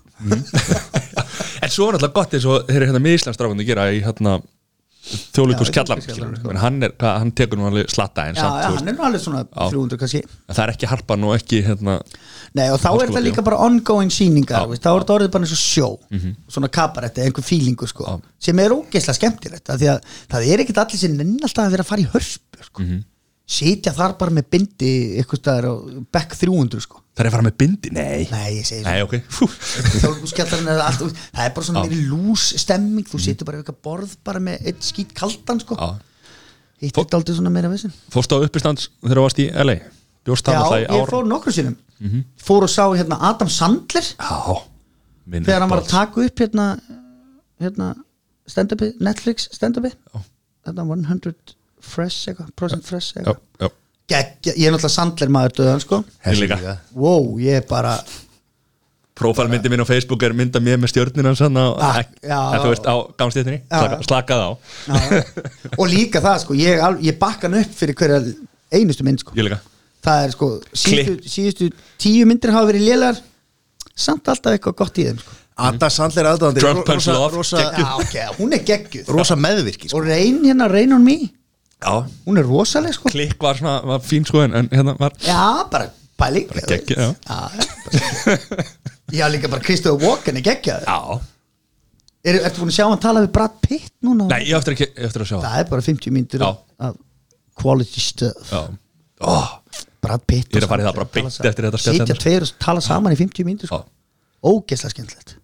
Ég er algjör sandleikall sko. Já, ég líka. Ég rýfst við vinni mína alveg heiklust sko. Þessi líka. Það er bara eitt kongur Ah, hann er rosaleg Og líka bara pælingin að Happy Madison, hérna, framlæsli fyrirtæki hans já, Tekur bara vini sína já, já. Og gerir bara það sem hann vill með þeim. Covert Já. eitthvað vinnur hans hérna, leikur í sama- öllum myndunum hans. Já. leikur kattíinn hans í Happy Gilmore Já. og leikur dræf, bróðir hans í hérna Wedding Singer limodræfurinn sko. Já Þetta Leikur er í bara öllu, sko. geggja sko. ah, þetta er og svo náttúrulega David Spades og, og, hérna, og þeir, Rob Snyder og, Já, snæðurinn ah, Þetta er dásanlegt og það stendur með honum, það var ógeslega gaman sko. Já, Svo fór ég að sjá hérna Conan og Brian. Já, það var svona Q&A með honum. Það var líka mjög skemmtilegt. Mhm. og ko- svo fór ég að sjá hérna hvað heitir hann hérna sem að leik í Jeff Daniels í Dömmen Dömmir fór á tónleika með honum. Já hann hann, country tónleika sem heitir bara The Daniels Family ég man ekki alveg hvað þetta heitir sko. Hann er stór í, í, í þeirri Já, og hann er bara ferðast og svona hans er á gítar og tengdadóttir í uh, bassa eða eitthvað, það er eitthvað svona family feelingur í þessu og þeir eru bara ferðast um Ameríku og spila og, og svo segir hann sögur á milli sko. Og það var geggja sko, að segja bara frög, sögur bara þegar hann var að taka upp pilotin af hérna Newsroom. Já, er náttúrulega eitt flottasta byrjunaratriði sem maður séð bara í sjónvastáta seríu sko, þegar hann tekur ræðuna hérna í einhverjum pallbóls umræðum stelpan í háskólanum hann Já, satt, já. rosalegt atrið, ógeðslega flott. Og hann bara segja frá því bara þegar að undirbúsa sig fyrir þetta. Og veit, ógeðslega gaman að heyra hann tala um þetta sko, mjög cool sko. Já þannig ég, og svo fór maður stundum á einhverja svona einhverja kjallara sko. Kjallara Laugh- búlur og eitthvað það er fullt af þessu dótið og ekki allt gott sko. Mest lélegt eða menn er að prófa sér áfram Já, í, menn er að prófa sko. sér áfram. Þetta er mikið af ungu fólki og mikið af fólki sem er ekkert endla tilbúið með stand-up er bara með miðan fyrir fram að sig að þróa einhverja pælingar eða eitthvað svona. En veist, mér finnst bara gaman að fara og sjá einhver þótt að sé lélugur eða lala eða eitthvað kemur með góða pælingu en endar illa eða eitthvað, skiptir einhver máli, þetta er bara gaman. Mm.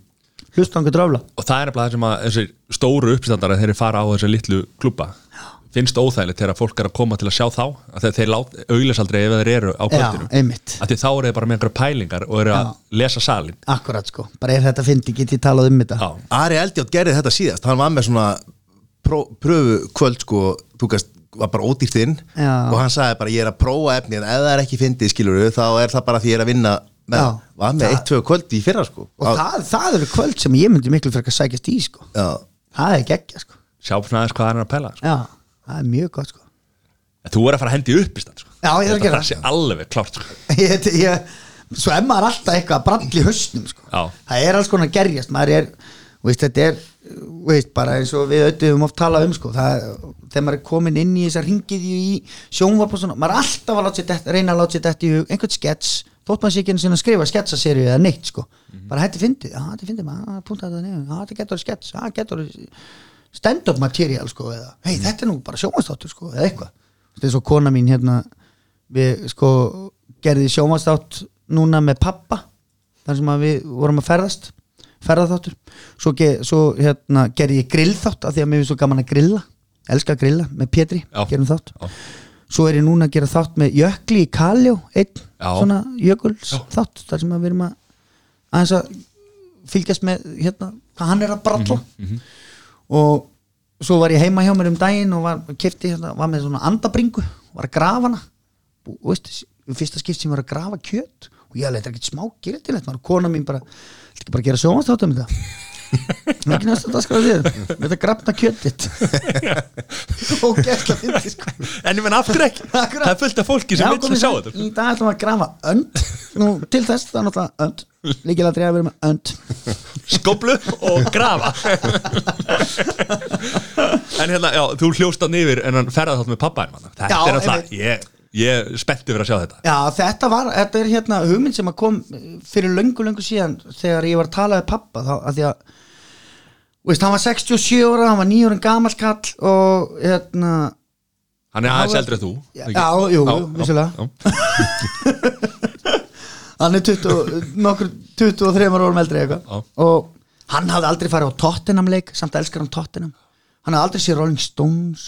Hann hafði aldrei farið á þjóðutíð eigum Er þetta bucket list eða? þetta er svona, það var uppalega pælingi var svona bucket list en það var eitthvað svo neikvætt að fara í bucket list og líka er það dálítið svona það er svolítið svona er þetta dálítið svona drauma feelingur skilur Já, já. og við vildum reyna að forðast það aðeins og uh, þetta verður þetta eru bara, nú er þetta orðið og svo við fórum að þróa þetta og spjalla og græja og gera, þetta er búið að vera lengi það voru ekkert allir tilbúinir að kaupa þessa hugmynd, 1 og 3 sko. Og svo þegar að á botninni komið þá er þetta þættir í sjónvarpi Símans sem að heita Pappi skoðar heiminn. Og verða frumsýndir í lok januar 20 Búið búið að taka upp allt og búið að taka upp, búið að klippa og hljósetta og þeir eru eiginlega tilbúnir. En þeir enn vil ekki setja það á lofti núna fyrir jól þetta henda þeim inn bara í janúar. Og þetta var alveg heilmikið æfintýri sko. Hvert fóruð þið?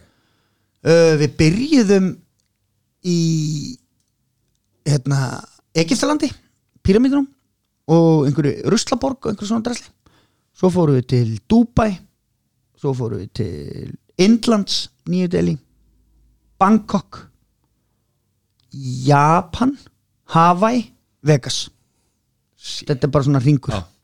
Þetta er gamli draumurinn Já, þetta er svolítið það sko með gömlum kalli En nú ertu vanur að ferðast með gömlum kalli, Pétur Jóni. Er, er þeir ekki sögum aldrei? Jú, þeir eru nánast Þau eru saman í bekk. Nei, þetta, þetta hérna Það er ótrúlega marg Það er mjög margir sem spyrja bara hvort þetta hafi ekki verið næs og ferðast með pappa sínum og veist, þetta er ekkit Þetta er ekki frí, fyrsta lagi. Nei, nei, þetta er bara þú Þú ert bara í Egiptalandi í þrjá daga og, þú- og þú þarft bara að taka upp ákveðið efni og ef þú fokkar því upp þá ertu bara í rugglinu sko. Er búið að Þú verður bara að ná inn efni.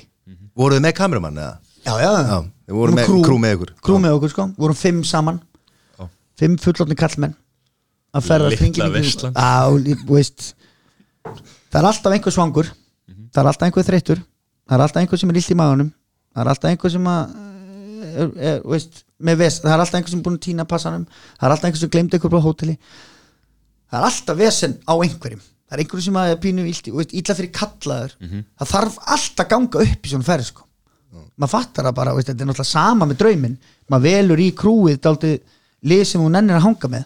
Og veist, eins og við fengum Fannar Sveinsson kamerumann ja, veist, á þess að titli sér það. Já. hérna hraðfrétta Fannar og alltaf að kalla hann það hraðfrétta hann vill það ekki sko. Framkomi fann hann núna framkoma Fannar þú veist, hann var kamerugæði í okkur þegar við vorum í asíska draumnum. Kannski ekkert besti kamerumar á Íslandi en líkil maður, góður í grúpu góður í hóp og, og kann allt og góður í, veist, að því að það er það eru þarna, veist 12 tímar sem að þarf að fylla upp í bara með að sitja og spjalla og hlusta tónlist og horfa okkur annan og fara út að borða eitthvað skilu Já.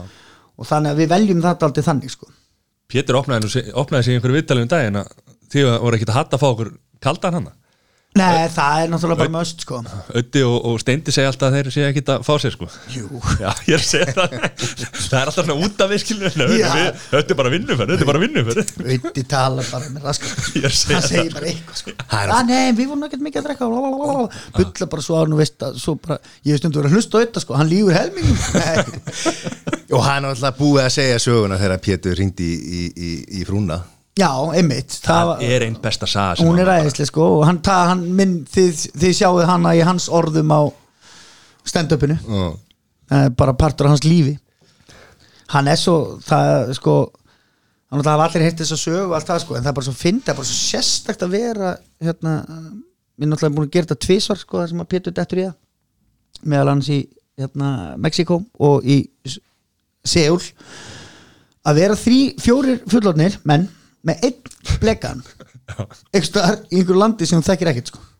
Það er algjört vesen sko hann bara, veist, ég þurf, maður þurfti bara að vera eldan og snúanum og hann er hann, veist, eins og þegar við fáum okkur í glas hérna nýr í bæ og eitthvað, hann er bara ráfandi um eitthvað og talandi við einhvern og allt í hennu bara komin eitthvað að gólfa að dansa við einhvern og við fórum einhvern veginn út að borða og hann var alltaf að halda ræður alltaf bara, "Heyrðu, sláðum inn sláðum inn, já, komið sér gáður með og veist, bara á veitingastað allir lítandi við og maður er einhvern veginn svo meðvitaður um hvað maður er frægur og þekktur og maður vill ekki vera búið til einhvern usla í, frítíma sínum sko, bara að voðalega eru þetta sniðið mega, er, er aldrei frí? Eitthvað sko, hann, er drullu saman sko. Hann alveg veður áfram. Eh. svo gaf hann einhverju heimilislausu batni 100 dollara sem að var fyrir framann hóteli okkar. Og ég var alveg bara, nei Pétur geri þetta ekki. Svo er ég komin að reyna að taka 100 dólarna af barninu mamman og ég veist það bara svona "Ah, fuck it, þetta. Leit alveg ræðileg út. Hver miðaldra hvítu kall í Mexiko að reyna að taka penning af heimilislösu barni. 100 dollara. It's my friend's money, you know. He's drunk, he wasn't supposed to give it. En nú snýði þessu við af Því að það er vinsalt svar í hraðaspurningum í FN9 blöð Einnig spurningu sem er með hverju myndið þú vilja hérna, þá detta í það og til að velja núna einn til þess að dettja og þú Já. ert oft, oftast Já. svarið við, við því sko Já, og menn hafa, þú veist, þetta er spurning þannig að hérna, hérna með hverju myndur vilja detti í það með sko, á þess að vita hver hann er eða eitthvað. En það er allt, oft, alltaf sagt, eða mjög oft sagt sveppi og, eða það og, hverju? Ég, ég heyrði Jóngur að Gyrta segja það. Já, það fleiri Það sko það, og það er bara, að ég er reynda að jamma með honum en það er sant, hraðfrétta frá fannar, talaði líka sko. já, já, já, ég er reynda að dotti í það með honum sko, en ég var alveg til að gera það bara aftur já, það er geggjast Þannig að við erum með tequila flösku þetta sem við erum að bara let's go Nei, en svo er ég náttúrulega alveg nákvæmlega sami rassu sko og Pétur þannig segja sko þegar ég dett í það það er, veist, það er bara einhver annar að tala um það það er bara svo aðstæld að tala um sjálfa sig. Já, ég er ógeðslega skemmtilega fullu svo læti ég bara slá mig inn. Já, já, veist, það er alveg sögur veist, eins og bara eh, bara dæmi. Þá vorum við einhvern tímann að hérna, jamma ég og Ötti og einhverjir. Fórum á bar sem heitir Celtic Cross. Já, sem er ekki lengur, núna heitir þetta eitthvað annað og hérna matbarinn eitthvað. Og þar erum við í rosa, rosalegum gýr sko, allavega ég. Mér, þá, ef ég er í góðum gýr sko, með drullu sama hver er í gýr eða ekki sko. Og uh, við, það er verið að panta einhverja svona drikki þar sem það er kveikt í honum og þú setur lófan ofan á og glasið festist við út af einhverju svo Já, þetta er ekki uh, Það er ekki töratöfi, hvað heitir þetta? þetta er svona eitthvað sipp og kveikir í. Já, og- já og og svo þetta þefa. og glasið sogast upp í lóðanaður og getur hrista þannig og svo skellur þið í þig. Þetta fannst mér geggjupæling og við keiftum nokkra svona sko. Og svo girt ég niður mig bara fór á tippið, bara buksunar og brækurnar tók sikkvart glasið og smelti þeim á raskina þar á mér. Og það, þá hengur bara svona tvö glös á rassinum. Og ég var bara la la la, wú, hvað segir gællin og hérna það komu svo margi símar á loft.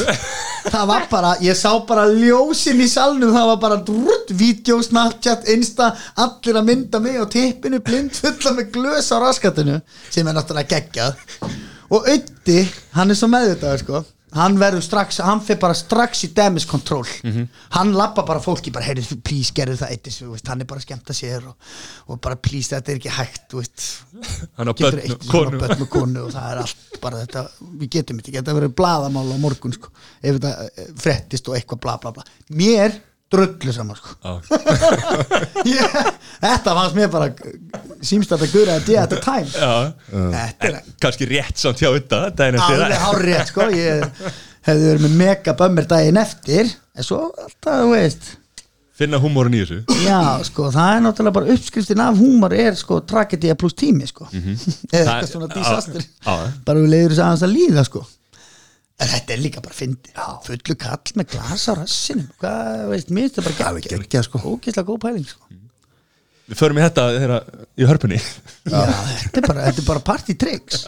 Allir eitthvað, hei, glasið er fast við lóan. Hei, sjáðu mig, ég er með glas á raskatinn Toppaðu það.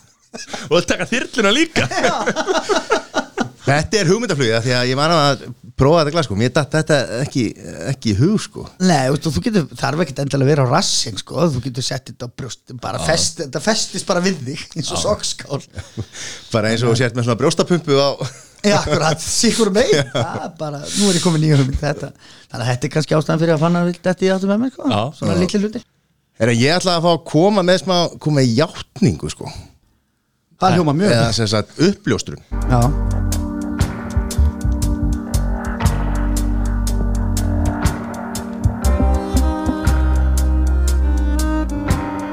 Þetta er, þetta er Jarðarför og- Nei, þetta er lagi kveikur í samlindu sjónvarsþætti sko, það er uppljóstrun sko það er, það er. Þetta er þemalagið í kveik sjónvarsþættinum þetta er bara það fyrsta sem að ég- ég var bara Er það ekki að kveik, kveik já, á, þessu? þetta er ljónhart sko. Þetta er lag eftir Sigur Rós Jú, ég var að býða eftir einhverju Já, svakalega ég var einu sinni hérna Vann var hérna, var hérna verkstjóri, flokkstjóri eitthvað, hérna á landsbítalóðinni Þetta er svona 2000 og 2003 fjögur ymmið, þá var ég með honum Arnarim á hérna, vinn minn, voru vestjórar Já, sem er nú er þetta fórstjóri í Play. Já, Já, og vorum þetta með alveg 25 ára hóp hérna í, í verstjórn á, á landsbítala lóðinni og lóðum á vegum landsbítalans þar var þeirra blóðbankin var á gamla staðnum á hérna Eirískutinu, hotninu já, já, já.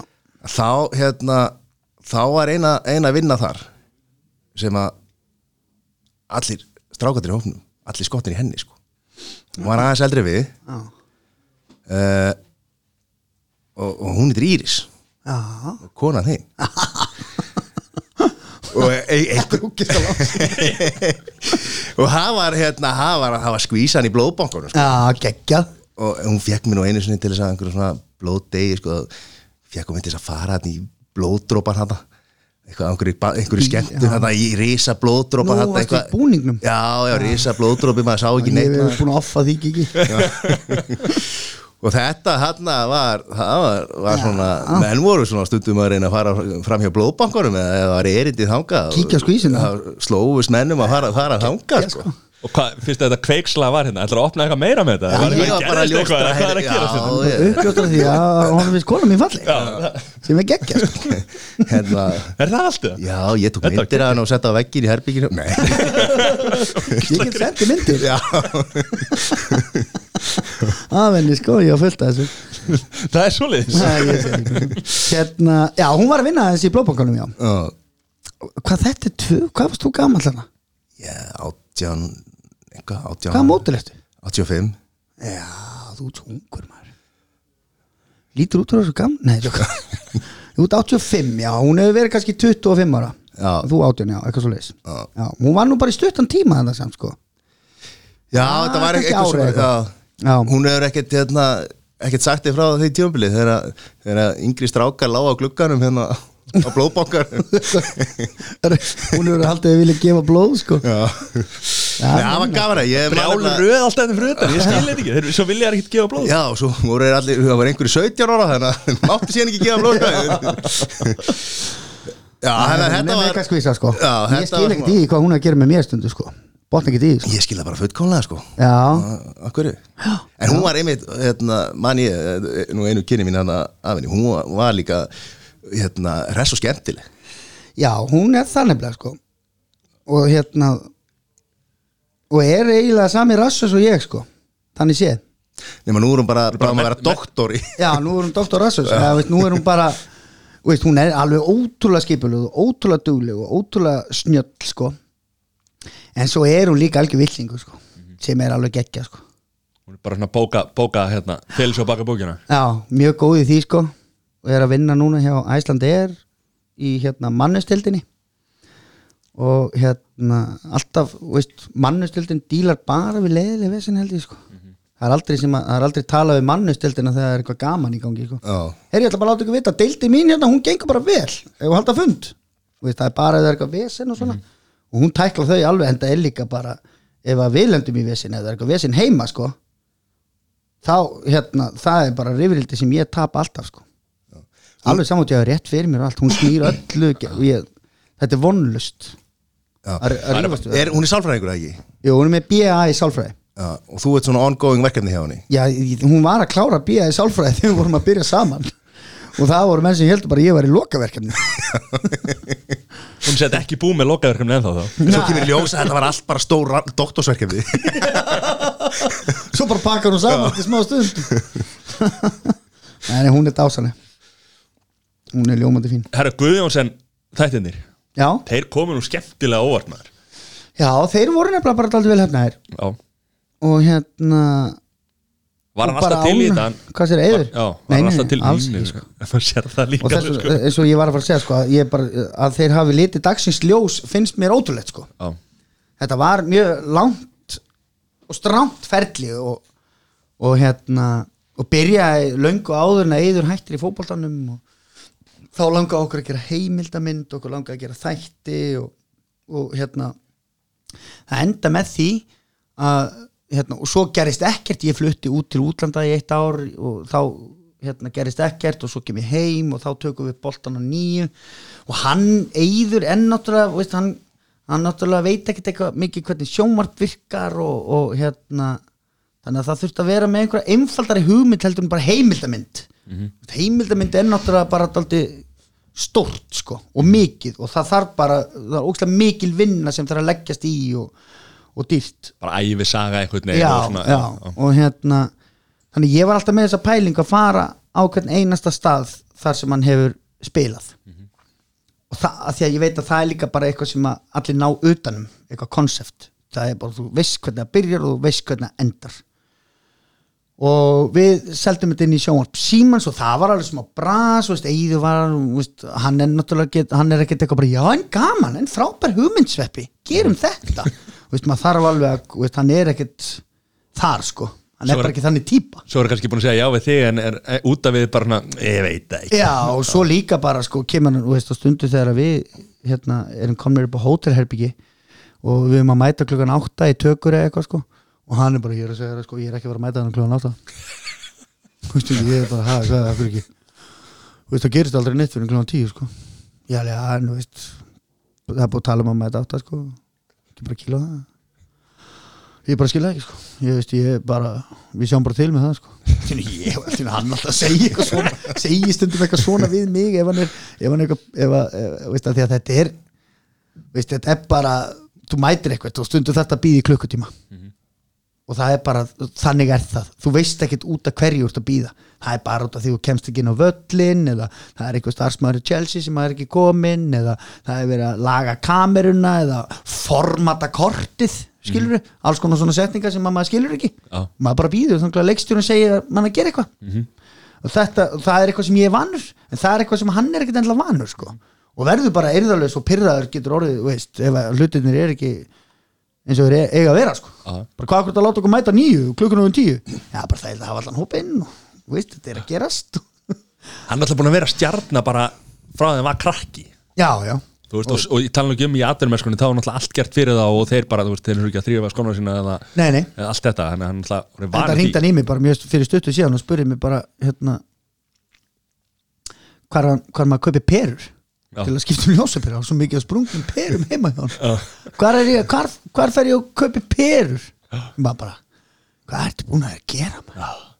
Ógislega fyndið sko. En þú veist, allt er góð Það hefur þetta að fara bara með gæjan bara fara bara með henni fiskbúð haflið Nei, fara bara í út að vera bara með hérna, Gauja Þórðar sem einhvern svona listrann stjórnanda skilur. Við bara, því hann þekkir kvölli frá þjálfarunum og, og, það, og bara, Já, hann myndi hlýða bara af hverju áttu að vera mættur því ég segi það akkurat sko Nei, var, þetta var ógislega gaman þetta var mjög skemmtilegt verkefni og hérna og sko og það var, það var aldrei magna að sjá. Ég er náttúrulega búin að þekkja núgsta lengi við erum búin að þekkja síðan um tíu ára, við erum búin að bestu vinir og við erum búin að óvinir og, og veist, við pyrrumst á hver öðrum og getum talað uh, um allt millir heimus og jarðar. Og maður vissi náttúrulega að hann var frægur og stór í, í, Chelsea og Barcelona og það, en það var alveg stór magnað að, að fylgjast bara með hvernig fólk sem er að vinna fyrir klúbbana skilju, mm. hann getur alveg verið að lappa í aðhennu hann er ekkert stoppa orða götu en þegar hann er komið nálægt klúbbnum skilur og leikvanginum þar er alltaf einhverju rassösar að sníklast um sem að vita allt sko og ef þau sjá hann þá bara stökkva þær á hann eins og flugur sko, bara að kenna teka fótó og bara áriða búning og þá verður allt vitlu sko.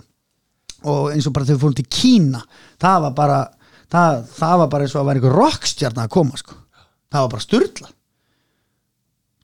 200 manns bara á lestastöðinni þar sem við mætum og eru bara það, bara, hann týndi farangrinum og ég var bara komið með töskuna hans og það var bara lélegasta hús sem ég hef veist, og hann bara lítur á mann og bara, hann er bara að skrifa og það er bara, og það er allt vittlust sko. Og menna eldan alveg út í bíl og svo bara kerum við burt og maður bara svona, þetta var alveg crazy sko, þá spurðist þetta út í hérna, við töluðum sérst við átáðandaklúb liðsins sem hann spilaði með sem enginn veit hvað heitir já. og, hérna, og þá spyrst það út í, í hérna, átáðandaklúbin og það fyrir inn í það og þá vitað allir og eitt liður að öðru og svo eru bara komnir 200 kynverjar sko. og, og sama eins og búin í aðþinu og líka bara þegar maður að tala við þá sem eru svona yfir menn, þjálfara og, og, og Hósi Morinni og svona sko, svo mikil virðing borin fyrir honum að því hann er svo ógislega veist, hann var svo ógislega góður Já. og svo ógislega snjall fótboltamaður og líka bara svo mikill atvinnumæður og bara fólki, maður, þá fattaði maður bara, heyrðu, gæin er hjúts af því að svo er hann líka hóvær anskoti sko. honum er uh, rullu sama hvort hann sé frægur fótballtamaður eða ekki sko. þetta skiptir hann engu máli sko. þetta er bara vesen fyrir hann sko. Mm. á meðan við hínir bara, bó maður, sástu hvað voru margir? Maður. Hefur ekki að fara. Vildur aldrei hendir að ég er frægar en hann á Íslandi. Þessi kýmur veit ekkert hvað sveppi krullum. Það er heldur þetta að sé yfirþyrmandi að þú veist, ok, hann kannski er ekkit alltaf í þessu. En svona geta stundum ekki farið að pressa hann. Þú sér hérna hvernig við erum á Íslandi þú getur verið með glösin á rassinum og, og bara haft, að- heit sko. Er þetta svona, og þú veist, allir að elda þig sko, þú veist, oft eins og bara með, bara eins og með þú veist, Ronaldo, Bieber og, og allar, þú veist, Já. er þetta ekki erfitt? Já, þetta er, þetta verður, þetta er bara ógeðslega leiðilegt, þú er náttúrulega einangrast örglega aldrei mikið. Þú veist, þú veist, Eyður fór aldrei á römbluna til dæmis, Já. í Barcelona þegar hann var að spila þar. Veist, þá verður bara þá bara, veist, um leið og einhver einn kemur og tekur myndaðir, þá eru tíu manns sem að sjá það og þá fara allir að pæla bara, akkur er hann að taka myndaðir sem gæja, já, þetta er hann þetta er, heyrðu, já, það er þessi. Og hægt og bítandi bara, verður bara komin einhver lítill múæsingur, skilur Bæði sem er hættulegt og ógeðslega pyrrandi ógeðslega pyrrandi og leðilegt og þá ertu bara í, í stendu og svo náttúrulega þarf það að vera þú getur ekki verið bara, eh fuck off! Leave me alone, I'm trying to shop. Eh, veist, hvað, þú þarf bara að díla við þetta. Eða bara stökkun í bíl ef þetta verður á mikið. Þetta er bara líjandi og, veist, þú, eins og við segið, þú bara einangrast og ég held að sé líka þannig að þú veist, ég held til dæmis eins og með Eið mér stundum bara eins og hann horf aldrei augun á fólki.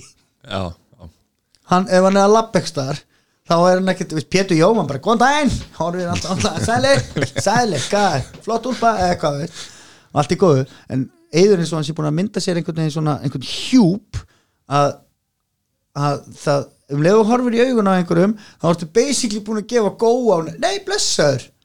Eða bara, nei, heyrðu, sætliðu minn eða, heyrðu, hérna. Og þá ertu komin í samtal sem hann bara meikar ekki og nennir ekki í, sko ég held að þetta sé bara við sem sko. Já, ég er alveg Ógeðslega 100% leiðilegt. og, s- og þarna líka bara, já, hörru, ég sá í þetta maður, hann bara, djúðan merkilega með sig maður. Já, akkurat sko. Þú veist, Það er, ég heyri það bara, ég er- heyri það endalust sko. Rosa mikið sko. Já, ég, þú veist einhver svona, já, ég sá hann á flugvöllurum Ég var nokkuð að reyna að spjalla við hann Og þá, dálítið, svona þurra á mannin sko.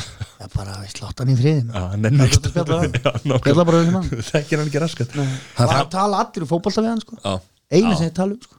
Fótbolti hann þarf vantarlega að, bekena hérna svona frægan ekki skilur ef hann er að labba út á götu og, og hérna og Helgi Björns lappar þá verða það nú að heilsa sig, bara hérna frægir á Íslandi sko, þú þurfa alltaf svona að Já, og ég, það er, og hérna, það er oft talað um þetta, sko, svona, já, frægir náttúrulega heilsast og eitthvað svona, og ég er frægur, sko, og ég hef hitt annan frægan sem ég þekki ekki neitt, það er einfaldra að heilsa. það er, það er, það er ógst veist, eins og bara áður en ég þekkti Magga Skefing, skilu, þá hitti hann, ég sagði bara sælir, hann bara blessaður og þá var það búið. Það er þægilegt, að því annars lappa ég á mótorum, hann horfir á mig og hann hugsar, hei Sveppi, ég horfi, hei Maggi, og ef við heilsumst ekki, þá er þetta bara skrítið. og þá er Maggi bara sveppila bara, þú veist hann, það er hann vildi ekki, vildi bara lítið eins og hann sæði ekki sko. Já, er samt ekki, við þekkjumst ekki, sko. hann er líka frægur, hann er að díla við nákvæmlega sögum með djöfla og ég, sko. Þannig að það er miklu þægilegra að heilsast. gera bara eins og Pétur og hann heilsa bara öllu Já, bara það er akkurat sko. Og veistu, stundum, mér finnst líka gaman að skoða fólk sko, aðstæða ef ég sé einhverja aðstæðanlegt fólk og svona sem er gaman að horfa á það.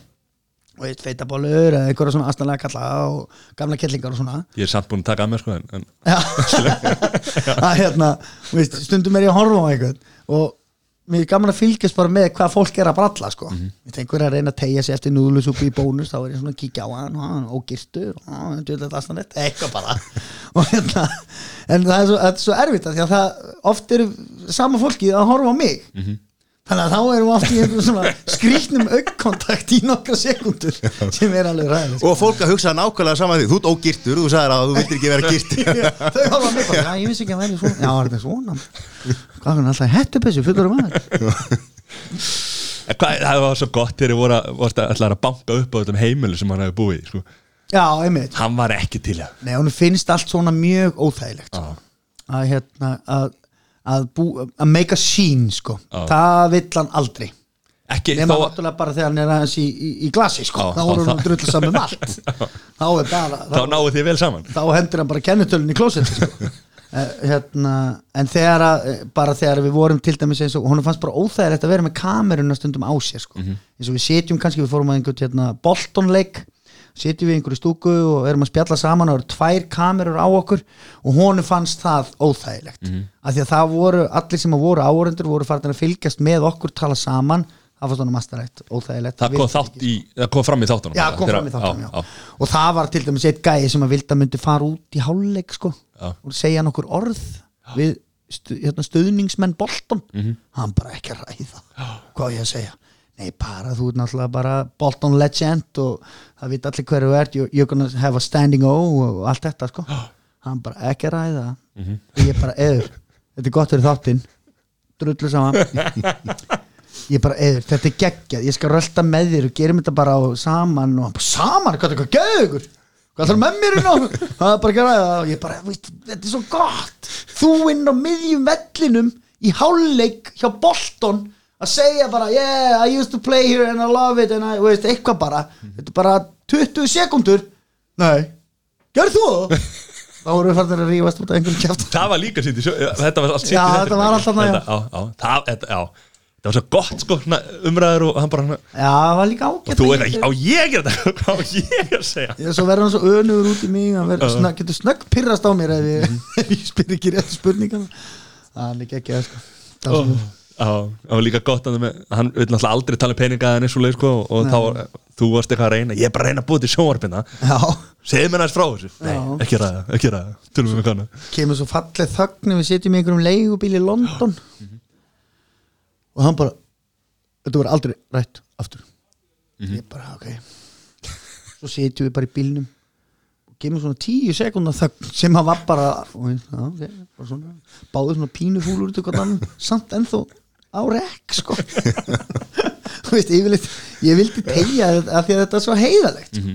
Já. það er framar öllu sko þetta er líka alveg bara góða punktur hann kemur fólk ekkit við hvað tekjur Nei. og að þú ert peningalega hliðin og það, og, veist, og uh, sumum sumir vilja meina að þetta komið þeim við eða eitthvað, eða mm -hmm. opinber persóna eða eitthvað bla bla bla það er bara frábært og þau bara halda sér við það en, en honum finnst þetta bara ekki vera eitthvað til að ræða Mhm. og þá er það bara eitthvað sem maður þarf að díla við þá eru svo margir sem farnir að samt fljótir að tala um hérna, spila fíkn og, og Já, allt eitthvað svona dótskil byr, byrjar að dæma þú veist þannig Já. að því hann opnar sig ekki um það þá er það orðið eitthvað og líka bara svo fyndið hvað fólk hefur miklar áhyggjur af þessu sko. Eða pælir rosalega mikið í þessu sko. að því að ha- það náttúrulega koma alls konar hérna, tö, veit, hann náttúrulega er að spila bara sem leikilmaður í Chelsea og sko fer til Barcelona þetta, fylgja þessu rosalega mikli peningar og ha- hann býr í flottu húsi í Barcelona og hann kaupir sitt, veist, þetta er bara sama með okkur skilju Já. ef ég ætti ef ég væri með þrjár miljónar mánuði þá væri ég búin að kaupa með dýrar bíl sko. Og sem að eyðir meira. Já. og eigin þessu fokkin peninga. og þá væri ég í alveg búin að kaupa mér hérna, dý, dýrari skó sko, spari, ég myndi kaupa mér dýra spari sko, sem að kosta svona kannski 30 skalli meira ég myndi kaupa mér málverk. Af því að það er dýrt og mér langar í flott og dýrt málverk. Af því ég hef efnaði en svo er maður, veist, mér langar í kaffi og sushi og Já.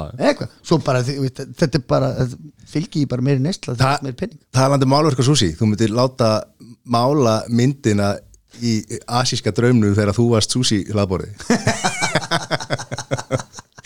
rosalega. Fá tolla til að bleita hans í penslinum. Tolli með hugmynd. Það var nú einu, það verður að taka þau tvisar ekki? Jú, ég talaði með um það í gumma benu daginn sko. það var fannar, fáið þið. Já, hraðfrætta fannar. Hraður þetta fannar, hann, þegar ég lág hérna í súsinu þá þá fann ég hva, hvernig stemmingin breyttist inn í herbygginu sko. Af því að hann tók batteri, hann var að vera batterislaus á kamerunni tók bara batterið úr kamerunni og ætlaði að skipta um batteri án þess að íta á stopp á kamerunni. Því um leiðu íta á stopp þá seifast allt sem var að vera að taka. Hann tók bara batterið. Eðilegast öll takan. Þetta er eins og varst að tala með áðan, ekki besti kannski Akkurat. kameramaður en góður í hóp. Ég var brjálaður. Já, það, bara, það var eiginlega í það skipti hvað sem ég var líklega hvað mest pyrraður hann úti sko. Það var bara veist, en það er samt svo skrítið að vera hérna, svo skrítið að vera allsber, liggjandi með sushi á sér brjálaður og pyrraður út í ykkur og geta ekkert gert sko ég mátti ekki standa upp eða neitt, ég var alltaf búið að það var búið að skreita mig að því að, því að þið, notið það sama súsið aftur Nei, nei, það var bara eitthvað sendur út í búð það var búið að borða að mér og búið Já. að gera allt og atriði var bara í gangi og Pétur var búin að koma inn og alveg wow! Og eitthvað svona sko. Það, það var reynda að nota á annari kameru til að hafa réttu viðbröðinu og eitthvað svona sko. Já. en veist, það þurfti að taka allt upp aftur þegar árind þegar veist, fólki sem var að borða af mér kom og eitthvað svona sko. Hræðilega pyrrandi sko. En veist, svona er þetta. Þú eh, bara vera að fyrir samstarf í múlakaffi. Það er alltaf svona hlaðbor á veislum og svona Það var þið á veisluborinu Bara með hangikjött og Já, jóla, grálags, aðborð. grálags yfir heila, öllu heila grálags sósa í naflanum. Já. Það er geggjað. Er það? Já, hann er hérna En einhverju sjónvarstættir eitthvað sem að hérna Hvað er á döfinni? Döfinni. Heyrðu á döfinni, það er náttúrulega pappa þátturinn kemur í janúar. Við erum að fylgja eftir Jökli í Kaljó fylgjast aðeins með honum, mjög áhugavert allt, önnu plata á leiðinni og eitthvað svona, tralala. Hvert farið þarna Ég fór með honum núna í tökur þegar hann var hittu fyrir Rolling Stones Já, í LA mjög skemmtilegt. Og gaman að sjá bara hvað hann er að stækka og dafna og hann er með þetta rockstjörnu quality og útlit og allt sko. Svo er ég að fara í leikhúsið aftur eftir áramót í hérna Kardimonbæn já, Já, að leika í Kardimonbænum og uh, það er bara basically það sko. Svo er, maður, svo er alltaf verið að þróa eitt og annað og já, já, og svo hérna þátturinn um, um, um grafna öndina. Grafin önd, sveppi grifur kjöt. Já, geggja, það við grafin kjöt. Það er æslega sko. Þetta er svo einfalt sko. Þess vegna var, var ég svo glaðu með þetta. Já, þú veist, og líka sko, þetta er bara að þú dreður þessu eitthvað krydd og Já, bara eitthvað þetta- póka sko, þetta er Já. ekki að vera að grafa neitt, þetta er nei, ég, það er bara máli það er bara algjör skellur sko. Já, já er þetta ekki einhvern skóplað en eitthvað? Nei, Hvað er þetta? Hvað er það fara bara út í móa bara, það fara bara út í hraunni í Þetta er bara þetta, nei, þú tekur bara öndina veltir henni, til dæmis setur hana bara, baðar hana í, í maldonsalti mm -hmm. skilur vefur henni, eða setur henni í plastboka og tekur svona mesta lofti úr og hendur í nýskap í, og hún er bara í salti það er ekki einu svona nýskap, liggur bara í saltinu á borðinu, þá fer allir vökun úr. Og er þannig bara kannski svona fjóra tíma þá skólar allt saltið af henni og bla bla bla. Og svo ertu búin að taka bara alls konar krydd, þú veist, einibir og bla bla bla og bla bla bla og bara hvaða krydd sem er, bara sky is the limit. Og baðar öndina, sem er gaman að segja baðar baðar öndina upp úr kryddi og vakumpakkar henni bara í sellofan, nokkra ringi og bara í ískap fjóra daga. Og þetta er bara reddi getur gert þetta með allt kjöt getur gert þetta bara með nautakjöt og lambafíli, bara taka fytuna af og eitthvað. Það Grefur. Það hljóma miklu betur að Já, ég er að grafa kjöt. Ég veit það sko, þetta er töff. Já, og veist, þú ert að kerta ára að fer í matabóð og svona. Heyrðu, ég kom hérna með önd sem ég gróf fyrir ykkur, ég ætla að leiða ykkur að smakka. Kamerukrú með þér að því þú lítur þættinu svo bara piparóta sósa og smá rúkóla og smá söldutöi og málið dætt sko. þá ertu bara kongurinn Dreitilega rauðvinni maður. Og... Ó, nú er á svangur Já. Við erum alltaf svangir sko. hleypaður út í lífið. Já, er ég það sáttir? Já, við- við erum alltaf sáttir. Það er gott, ljómandi sáttir. Þú ekki góður? jú, ég er dásanlega sko. Já. Við bara mælum með að fólk fara á Spotify núna. Já, hlust á spilagaldra Já, og kaupi, fara, fara að hérna, kaupa með það er, er kardimómi bærin komin í sölu eða? já, hann er komin í sölu og það hræði mig sko. Og, og æfingar, Það er stífar bara- æfingar byrjar eða er það Nei, það byrja, við byrjum ekki að æfa fyrir februar Það er búið, að- það er að selja upp einhverja 20 sýningar Þannig að sko, allt næsta ár þá er ég bara nýr þjólukus í lögut á sunda Hvað, hérna, er, er búið að ljóstra því? Ert þú Sebastian Bæhókit eða hver er þú? Nei, maður Jesper Ertu Jesper? Ég Kesper og Jesper og Jónatan Það ég held að hafa aldrei staðið neitt annað til sko. Og hver, hver, þú veist, það lítur, að vera búið að byrta upplýsingar um þetta Ertu með, hver er, er hérna Kasper og Jónatan? uh, Oddur Júl Oddur Júlísson leikari og Halli Mello Hallgrímur Þeir, við erum ræningarnir þrýr og svo er hérna Þóraldur Sigursson gamli, ekki lati Mm. Örn Átna Hilduvala er að leika þarna unga nýjútskrifuð svo er hún hérna Steinun Ólína. Hún leikur Sofíu Frængu við stelum henni sko. Hvernig finnst þér að hafa komið svona þú fórst eila bak, bakdina megin inn í leiklistina og svona, þú veist, hvernig, ertu ekki, ertu ekki bara ánað með hvernig hlutinu að þróast? Já. Jú, ég er það nefnilega sko það hefur einhvern veginn alveg bara verið bara ljómandi fínt sko. Og það, mér dreymdi alltaf um að vera leikar á sviði sko og vera bara engöngu í því. Svo eh, eftir ég fór að leika á sviði þá fannst mér þetta ekki alveg nógu hendugt sko. En mér er gaman að taka verk og verk sko. Ef mér er búið að leika eitthvað starf þá er ég alltaf til í það sko. En að vera fastráðin í þjólikúsinu það er bara, ég ber svo mikla virðingu fyrir þessu fólki það er bara guðminn álmáttu sko. þau eru bara staðin upp klukkan 6 á föstaskvöldi til að fara að leika og eru mætt bara heim á kottan klukkan 11 um kvöld eða skilu basically eins og vinna mann sér veist, skemm, vinna skemmti kraftsins það er þegar að þið hérna sót svartur almúinir í fríi þá eru við vinnunni. Er þú hefðir eisa, þú myndir eisa sko leiklæsaskólana þegar maður heyrir að það námið snýst einhvern veginn, það er allir einhvern veginn úr fötunum og byrra ofan og eitthvað mér. ég sótti náttúrulega um eins og Davíð Þór ég sótti þrísvarum sko. Og komst aldrei inn. Sem er kannski, sem er þeirra missir. Já kannski. Eða ekki, eða bara eitthvað Sverða Sverðun, takk kjallaði fyrir komuna og að vera með okkur. Bara mín er ánægðan og hérna, uh, ef þú hefði nú bara komið með lægið á köp Já. með spilagóttir, þá hefði nú myndir nú spila þetta í lokin sko. en, nei, nei, við bara Þessi þáttu Það kemur er ekki Þessi þáttu kemur ekki út í dag sko, Þannig að við getum kannski að redda því en Já, í við græjum það, við spilum það hérna. Og bara þú sættir við reikning. ég sendi þið bara lag Já. og nú kemur gott lag með spilagöldrum sem að þið geti fundið á Spotify